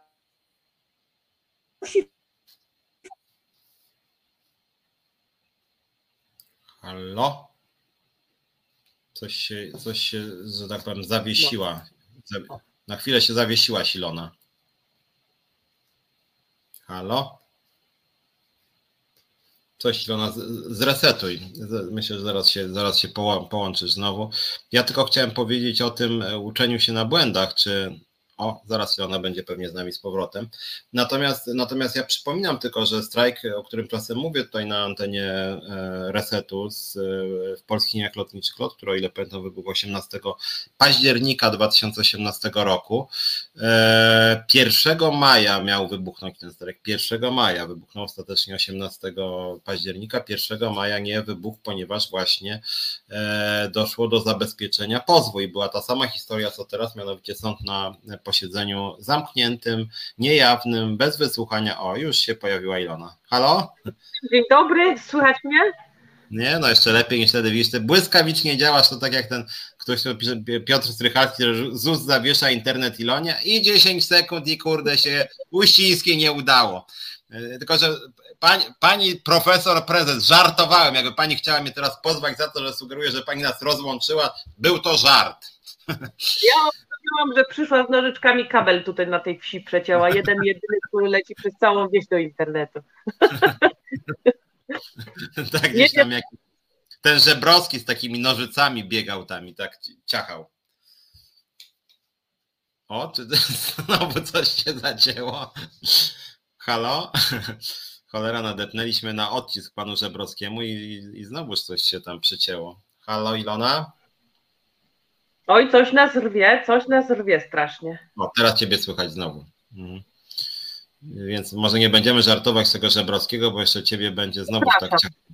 Przepraszam. Więc, więc wracamy do tej historii. Mówiłem o locie, że tam rzeczywiście e, dwa razy, o ile pamiętam, było to zabezpieczenie sądu i za trzecim razem E, że za trzecim razem już się lotowi nie udała ta historia z zabezpieczaniem.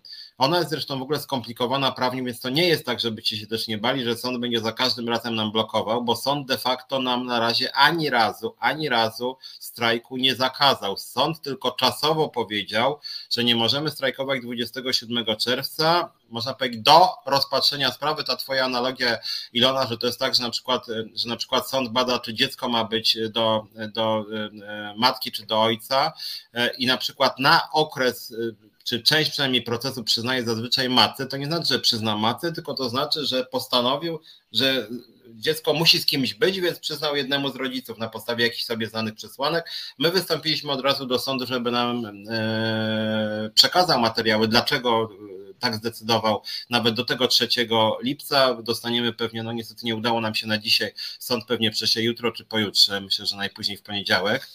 No i zobaczymy, jaka tam będzie przyczyna. Naszym zdaniem prawdopodobnie sąd y, uznał, że właśnie nie było referendum i stąd stwierdziliśmy, że uprzedzimy działania ZUS-u i decyzję sądu i to referendum po prostu zrobimy właśnie po to też, żeby nie było żadnych e, sztuczek ze strony sądu, a przy okazji zwracamy, e, idziemy do sądu, do prokuratury, idziemy szeroko, żeby pokazać, że to po prostu nie my łamiemy prawo, tylko ZUS.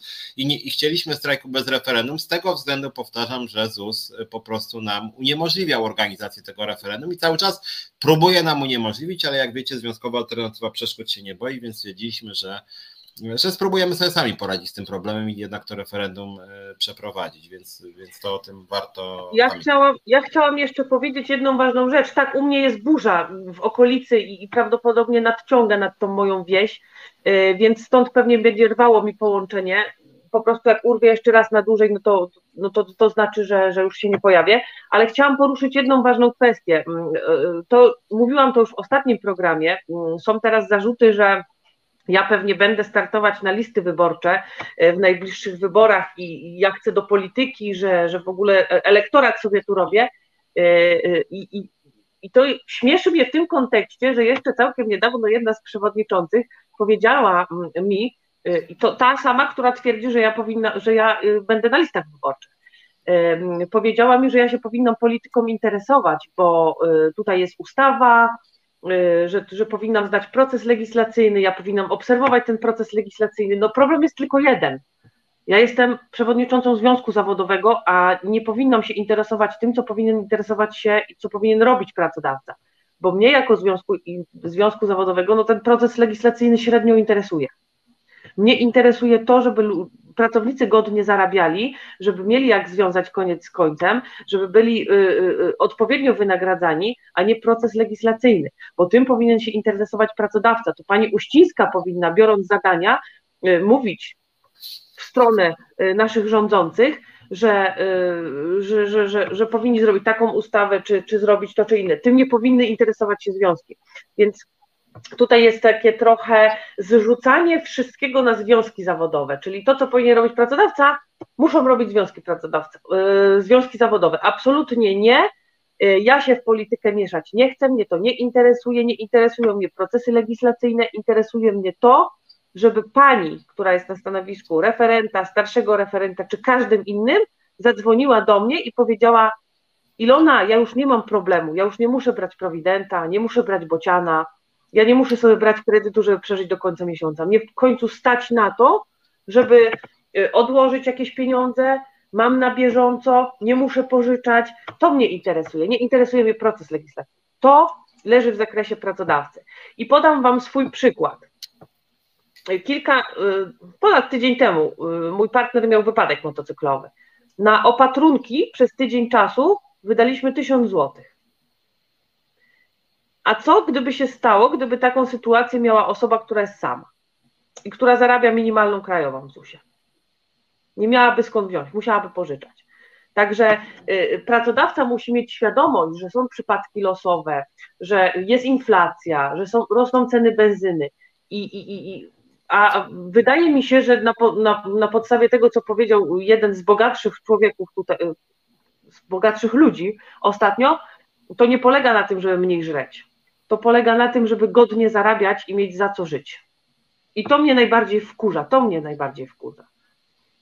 Natomiast warto powiedzieć jeszcze a propos ZUS-u też i tego, czy my tam polityczni, niepolityczni. Ważniejsze jest to, że ZUS, który jest jak najbardziej polityczny, bo nominacja pani Uścińskiej jest jak najbardziej polityczna, ona jest nominowana przez rząd po prostu.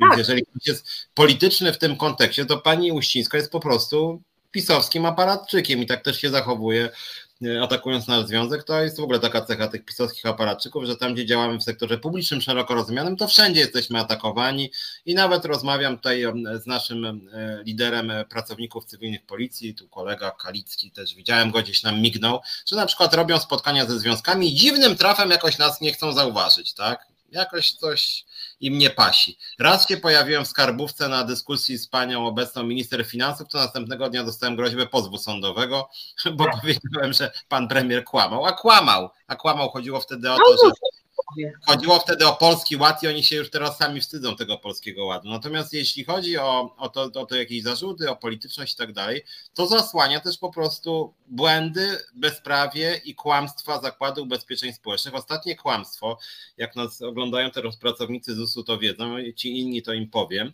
E, nie wiem, czy pamiętacie, jak myśmy mówili o tym strajku 27 e, czerwca, to pan Żebrowski mówił o tym, że, że, że, że, strajk był nielegalny oczywiście, ale że w najbliższych dniach będą zaoferowane bardzo konkretne podwyżki, dużo wyższe niż przewidywane w ustawie budżetowej 300 zł brutto, dużo wyższe i te dużo wyższe podwyżki miały być ogłoszone, jeśli dobrze pamiętam, tydzień i dwa dni temu, e, dziewięć dni temu, e, Dokładnie na początku tak. tygodnia. I on to obiecał publicznie, to wszystkie media puściły.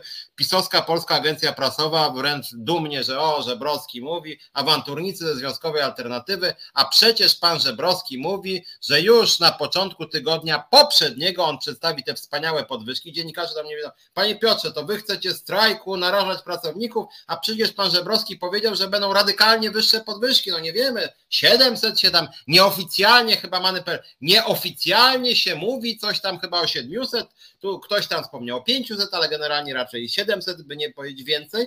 Po czym co? Minęło 9 dni, nie ma żadnych propozycji, żadnych. Teraz się pracownicy ZUS-u dowiadują z różnych źródeł, że w ogóle nie planują na razie, na razie nic w ogóle nie wiedzą, nie mają żadnych na razie e, pomysłów, skąd te pieniądze wziąć. Tych pieniędzy w ogóle na razie nie ma. Czyli krótko mówiąc, pan Żebrowski się okazał zwykłym oszustem. A że pan Żebrowski reprezentował panią Uścińską, to pani Uścińska się okazała zwykłą oszustką, chyba że on mówił coś bez jej zgody, to powinien zostać zdymisjonowany w każdej szanującej się firmie, zakładzie, instytucji, jak ktoś publicznie kłamie, oszukuje 43 tysiące ludzi, no to powinien zostać odwołany po prostu. W związku z tym, no ktoś tutaj oszukał brutalnie pracowników i teraz wszyscy już chyba widzą pracownicy że chodziło po prostu o to, żeby spacyfikować nasz protest, tak, żeby ludzi powiem, dobra, my wam damy te pieniądze. Ludzie byli niestety trochę głupi, część głupia była i uwierzyła, bo ludzie wierzą, jakby mają prawo wierzyć, właśnie powinni wierzyć, tylko powinni wierzyć, a, a władze nie powinny być kłamliwe. No po prostu jest skandal, że pan Żebrowski publicznie gadał, że będzie dużo wyższa podwyżka. Miało być w poniedziałek, kurde, ubiegłego tygodnia to powiedziane. Ja się, jeszcze, ja się jeszcze nie zdziwię, ja się w ogóle wcale nie zdziwię, jak przyjdzie pracodawca i powie, że ma albo 300 zł i koniec, i to jeszcze do podziału na część obligo i uznaniową, albo ma 500 zł i do części y, obligo i uznaniową. Bo ja się wcale nie zdziwię, że tak będzie. Bo prezydent jeszcze tej ustawy nie podpisał. Tak, tak, tak. tak nie tak. wiadomo, czy ją podpisze. Może złoży weto. Różnie jest. Albo, ale nawet jeśli ją podpisze, to my też nie mamy zagwarantowane, że to jest 1,5% y, w całości dla nas. To większość pójdzie na pewno na systemy informatyczne tam, żeby automaty jeszcze lepiej pracowały niż teraz pracują. Także większość pójdzie na systemy informatyczne i dla, dla, pracownika wcale dużo nie zostanie. A druga sprawa jest taka, że ja też nie stawiam na to, że to będzie podwyżka na zasadzie do pensji zasadniczej. Pamiętajcie, że ja to powtarzałam dwa razy, że y, te środki dla Ukraińców, czyli te 1,5% z tych wypłacanych środków dla Ukraińców, to nie jest powiedziane, że to będzie na zawsze. Oni co miesiąc będą pobierać inną kwotę więc a jeżeli za rok na przykład, nie wiem, wyjadą wszyscy do Niemiec, obstawiam bardziej na to, że 300 zł będzie z tej ustawy mm, budżetowej yy, z, z początku roku, yy, a ta, to z ustawy o uchodźcach, te 1,5% to będzie na zasadzie, nie wiem, nagrody czy premii, czyli to będzie taka jednorazowa, podejrzewam, jednorazowy dodatek. O, coś, burza chyba zaczyna Ilona atakować. Ja korzystając z przerwy, może jeszcze Ilona jednak złapiemy. Dziękuję Bożenie, że, że, że promuje naszą zrzutkę. Eee, bardzo są nam potrzebne te środki też dlatego, że no Ilona została zwolniona dyscyplinarnie, więc musi mieć proces o zwolnienie, o, o przywrócenie jej do pracy. Jeżeli nam się uda to referendum, to oczywiście akcja strajkowa będzie wymagała w ogóle dużo większych pieniędzy niż to, co żeśmy tam zebrali, te 9 tysięcy, więc jeżeli możecie, to oczywiście na wesprzyjcie. My bardzo chętnie później pokażemy Wam w szczegółach, na co te pieniądze zostały wydane. Tu nie mamy żadnych e, problemów z tym, żeby wykazywać, nic nie ukrywamy, jesteśmy w pełni transparentni. Może jeszcze jedną rzecz powiem, e, taką smutną odnośnie polskich polityków i polityczek, bo ja już pisałem w sprawie ZUS-u czterokrotnie, czterokrotnie do 460 posłów i 100 senatorów i senatorek, do wszystkich pisałem. Rzeczywiście muszę powiedzieć, że w pewnym momencie trochę nas wsparł PPS, e, Polska Partia Socjalistyczna, czyli tam poseł Rozanek między innymi. E, rzeczywiście, e, rzeczywiście w kilku miejscach to się ukazało, materiały na nasz temat, więc tutaj jakoś tam no mogę powiedzieć, że, że, że, że dziękuję. Natomiast pisał do mnie rzecznik PSL-u, który powiedział, że mu przesłał wszystkie papiery i oni się tym zajmą. To było panie rzeczniku PSL-u, Motyka on się nazywa, chyba 7 dni temu i nic się od tego czasu nie zadziało. E, e, Lewica w ogóle nie zareagowała. Jeden poseł tylko w Sejmie powiedział, że, że co to będzie, jak będzie strajk, to chyba nie będzie 14 emerytur, czyli jakby nic nie zaoferował pracownikom, tylko, e, tylko postraszył, że tak powiem, strajkiem. To, to równie dobrze przedstawiciel rządu miałby tak postraszyć. I plus dwóch posłów czy trzech rzeczywiście złożyło interpelację, w tym nomen omen obecnie jest na ustach poseł Sterczewski. Nie podoba mi się to, co zrobił tak mały. Najbardziej mi się nie podoba ten jego królewski gest e, pokazywania legitymacji sejmowej, jak już tak na chwilę w ramach dygresji mówię. E, natomiast, natomiast poseł Sterczewski, bodaj jeszcze chyba jakiś jeden czy dwóch posłów złożyło interpelację poselską. Ja, jak nas jacyś posłowie oglądają, to jedną chciałem powiedzieć. Słuchajcie, przy całym szacunku, nic z tych waszych interpelacji dla nas nie wynika i one są nam są kompletnie niepotrzebne. No przy całym dla was szacunku, my sami możemy składać interpelacje i co więcej, ZUS nam odpowiada w ciągu zazwyczaj dwóch dni, bo się nas boi. W związku z tym, jak wy piszecie interpelację pod tytułem Dlaczego zwolniono dyscyplinarkę Irenę Garczyńską, to ZUS wam wysyła treść zwolnienia dyscyplinarnego, które my mamy na skrzynce. Mamy je.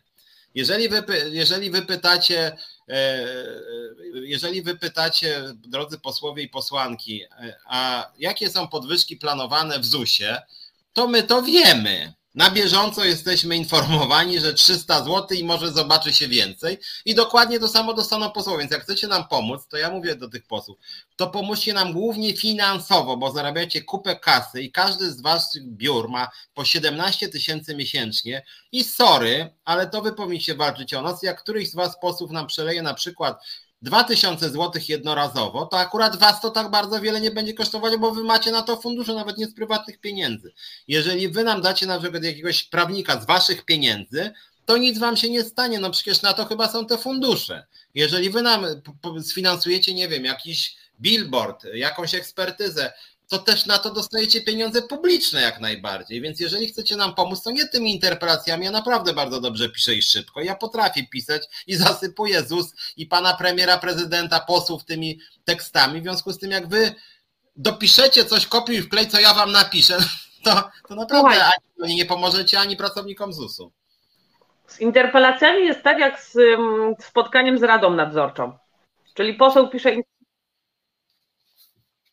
O, no to teraz Radę Nadzorczą Ilona obraziłaś, w związku z tym zacięło ciebie, bo, bo najwyraźniej chciałaś uderzyć w Radę Nadzorczą. No jak w Radę Nadzorczą uderzać, a w Radzie Nadzorczej w Radzie Nadzorczej ZUS-u, o, no i cholera jasna chciała Ilona coś powiedziała. W Radzie Nadzorczej ZUS-u, słuchajcie, jest OPZZ, Forum Solidarność, pracodawcy RP Lewiatan, więc widzisz, tutaj to nawet nie grzmot, tylko jakiś tam jak, jakieś tam bóstwo, bóstwo y, y, solidarnościowo OPZZ-owsko-lewiatanowe zagrzmiało i cię przerwało, jak chciałaś Ja ci mówię, kopią, kopią tu ten jeden kabel, co idzie przez tą mieć. I się bronią. Bo tak na marginesie, tak na serio, to jest w ogóle skandal, że w Radzie Nadzorczej ZUS-u, słuchajcie, są tak zwani partnerzy społeczni partnerzy społeczni i duże związki zawodowe, i duzi pracodawcy, którzy na co dzień mówią mnóstwo frazesów o tym, e, jak to jest, odpowiedzialny biznes, tak. Dialog partnerski, kurde, i przepraszam za sformułowanie tych pierdół, mają e, frazesów mnóstwo na ustach, a jak co do czego przychodzi, zwalniają dyscyplinarnie liderkę związkową, czyli zmasakrowanie dialogu społecznego, zmasakrowanie dialogu społecznego i oni jako Rada Nadzorcza, na przykład pan Grzybowski z OPZZ-u, powinni tego samego dnia do Uścińskiej, co pani w ogóle wyczynia? Co to ma w ogóle być, nie? A oni oczywiście cicho, nie, to nie nasza sprawa, my nie mamy czasu to póki mi jeszcze nie przecięli tego kabla, to powiem, dokończę szybko myśl. Więc oni się pytają pani Uścińskiej, czy jest wszystko w porządku, bo Garczyńska mówi, że nie, pani Uścińska mówi, że jest wszystko w porządku, a oni aha. I na tym się kończy, oni nie dochodzą, czy jest faktycznie źle, nie pytają, żeby chociaż z pracownikami porozmawiali, bo mi mogą nie ufać, ale żeby chociaż wzięli szeregowych pracowników, weszli na forum e, e, nasze pracownicze na Facebooku, poczytali, co piszą pracownicy pod nazwiskami często, bo się nie boją.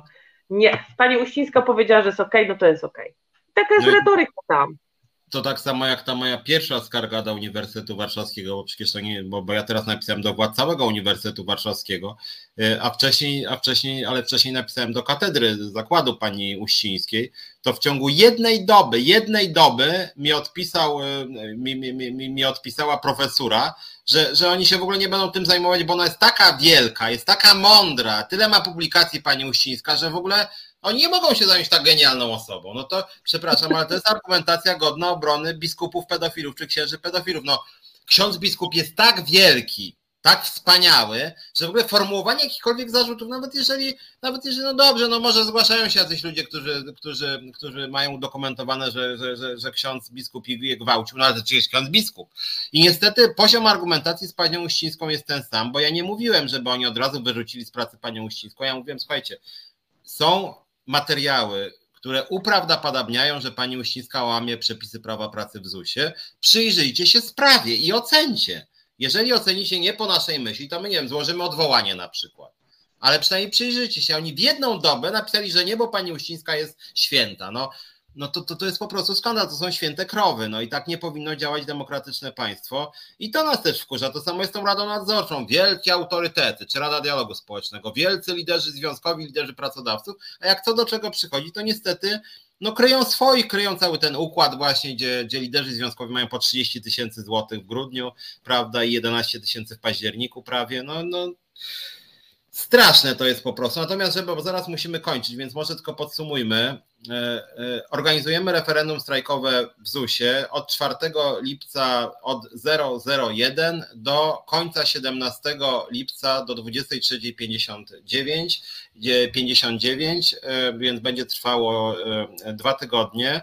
E, szczegóły Ilona Wam przedstawi w najbliższych dniach. Tutaj widzę, że już nasz kolega Kalicki z pracowników cywilnych policji mówił, że chętnie pomoże w dystrybuowaniu na przykład w Lublinie, więc będziemy Was prosić o pomoc, żeby ten, to referendum dotarło do jak największej liczby pracowników. To będzie robione przez aplikację, że każdy będzie po prostu głosował w aplikacji, której będzie jeden link i w tym linku będziecie zapisywać e, swój numer identyfikacji, żeby sąd ewentualnie mógł później sprawdzić, czy to był pracownik ZUS-u, czy nie był. No i taki jest nasz pomysł na najbliższe dni. W związku z tym dwa tygodnie referendum. Postulaty są trzy z naszego sporu zbiorowego. Kluczowy podwyżka wynagrodzeń zasadniczych o 60%. No to chyba główne. I najważniejsze. I na tym zakończymy dzisiaj ze szczegółami. Oczywiście do Was wrócę. Nie bójcie się brać udziału w referendum. Nie bójcie się głosować bez względu na to, jako, na jak, jak byście chcieli zagłosować, bo tutaj nikt Wam nie narzuca, że macie zaznaczyć tylko i wyłącznie tą jedną kratkę. Nie ja chcę, żeby wziął udział w referendum każdy pracownik, a przynajmniej zdecydowana większość, żeby każdy się wypowiedział w tej kwestii, czy jest mu dobrze w ZUS-ie i bardzo dobrze zarabia, czy jest mu w ZUS-ie źle i nie zarabia e, wcale e, rewelacyjnie. Dokładnie. W ogóle ja uważam, że im więcej ludzi bierze udział w różnego rodzaju wyborach, tym lepiej dla demokracji. Demokracji tak pracowniczej, parlamentarnej, wszędzie demokracji. Generalnie chodzi o to, żeby ludzie mieli więcej e, do powiedzenia, również w zakładzie pracy. Dobra, dobra, bardzo Ci Ilona dziękuję. Kończymy. Możecie Możecie ciąć kabel. No, tnijcie już kabel, tam żebrowski z uściską razem już tam możecie się wyżyć. Więc, więc, więc dziękuję Ci Ilona, no a my kończymy, bo już jest za kolejny program. No trzymajcie się, do zobaczenia, do usłyszenia, za tydzień już będziemy mówić bardziej o szczegółach właśnie tych, tego referendum strajkowego. No, na razie. Pa, pa. Reset Obywatelski.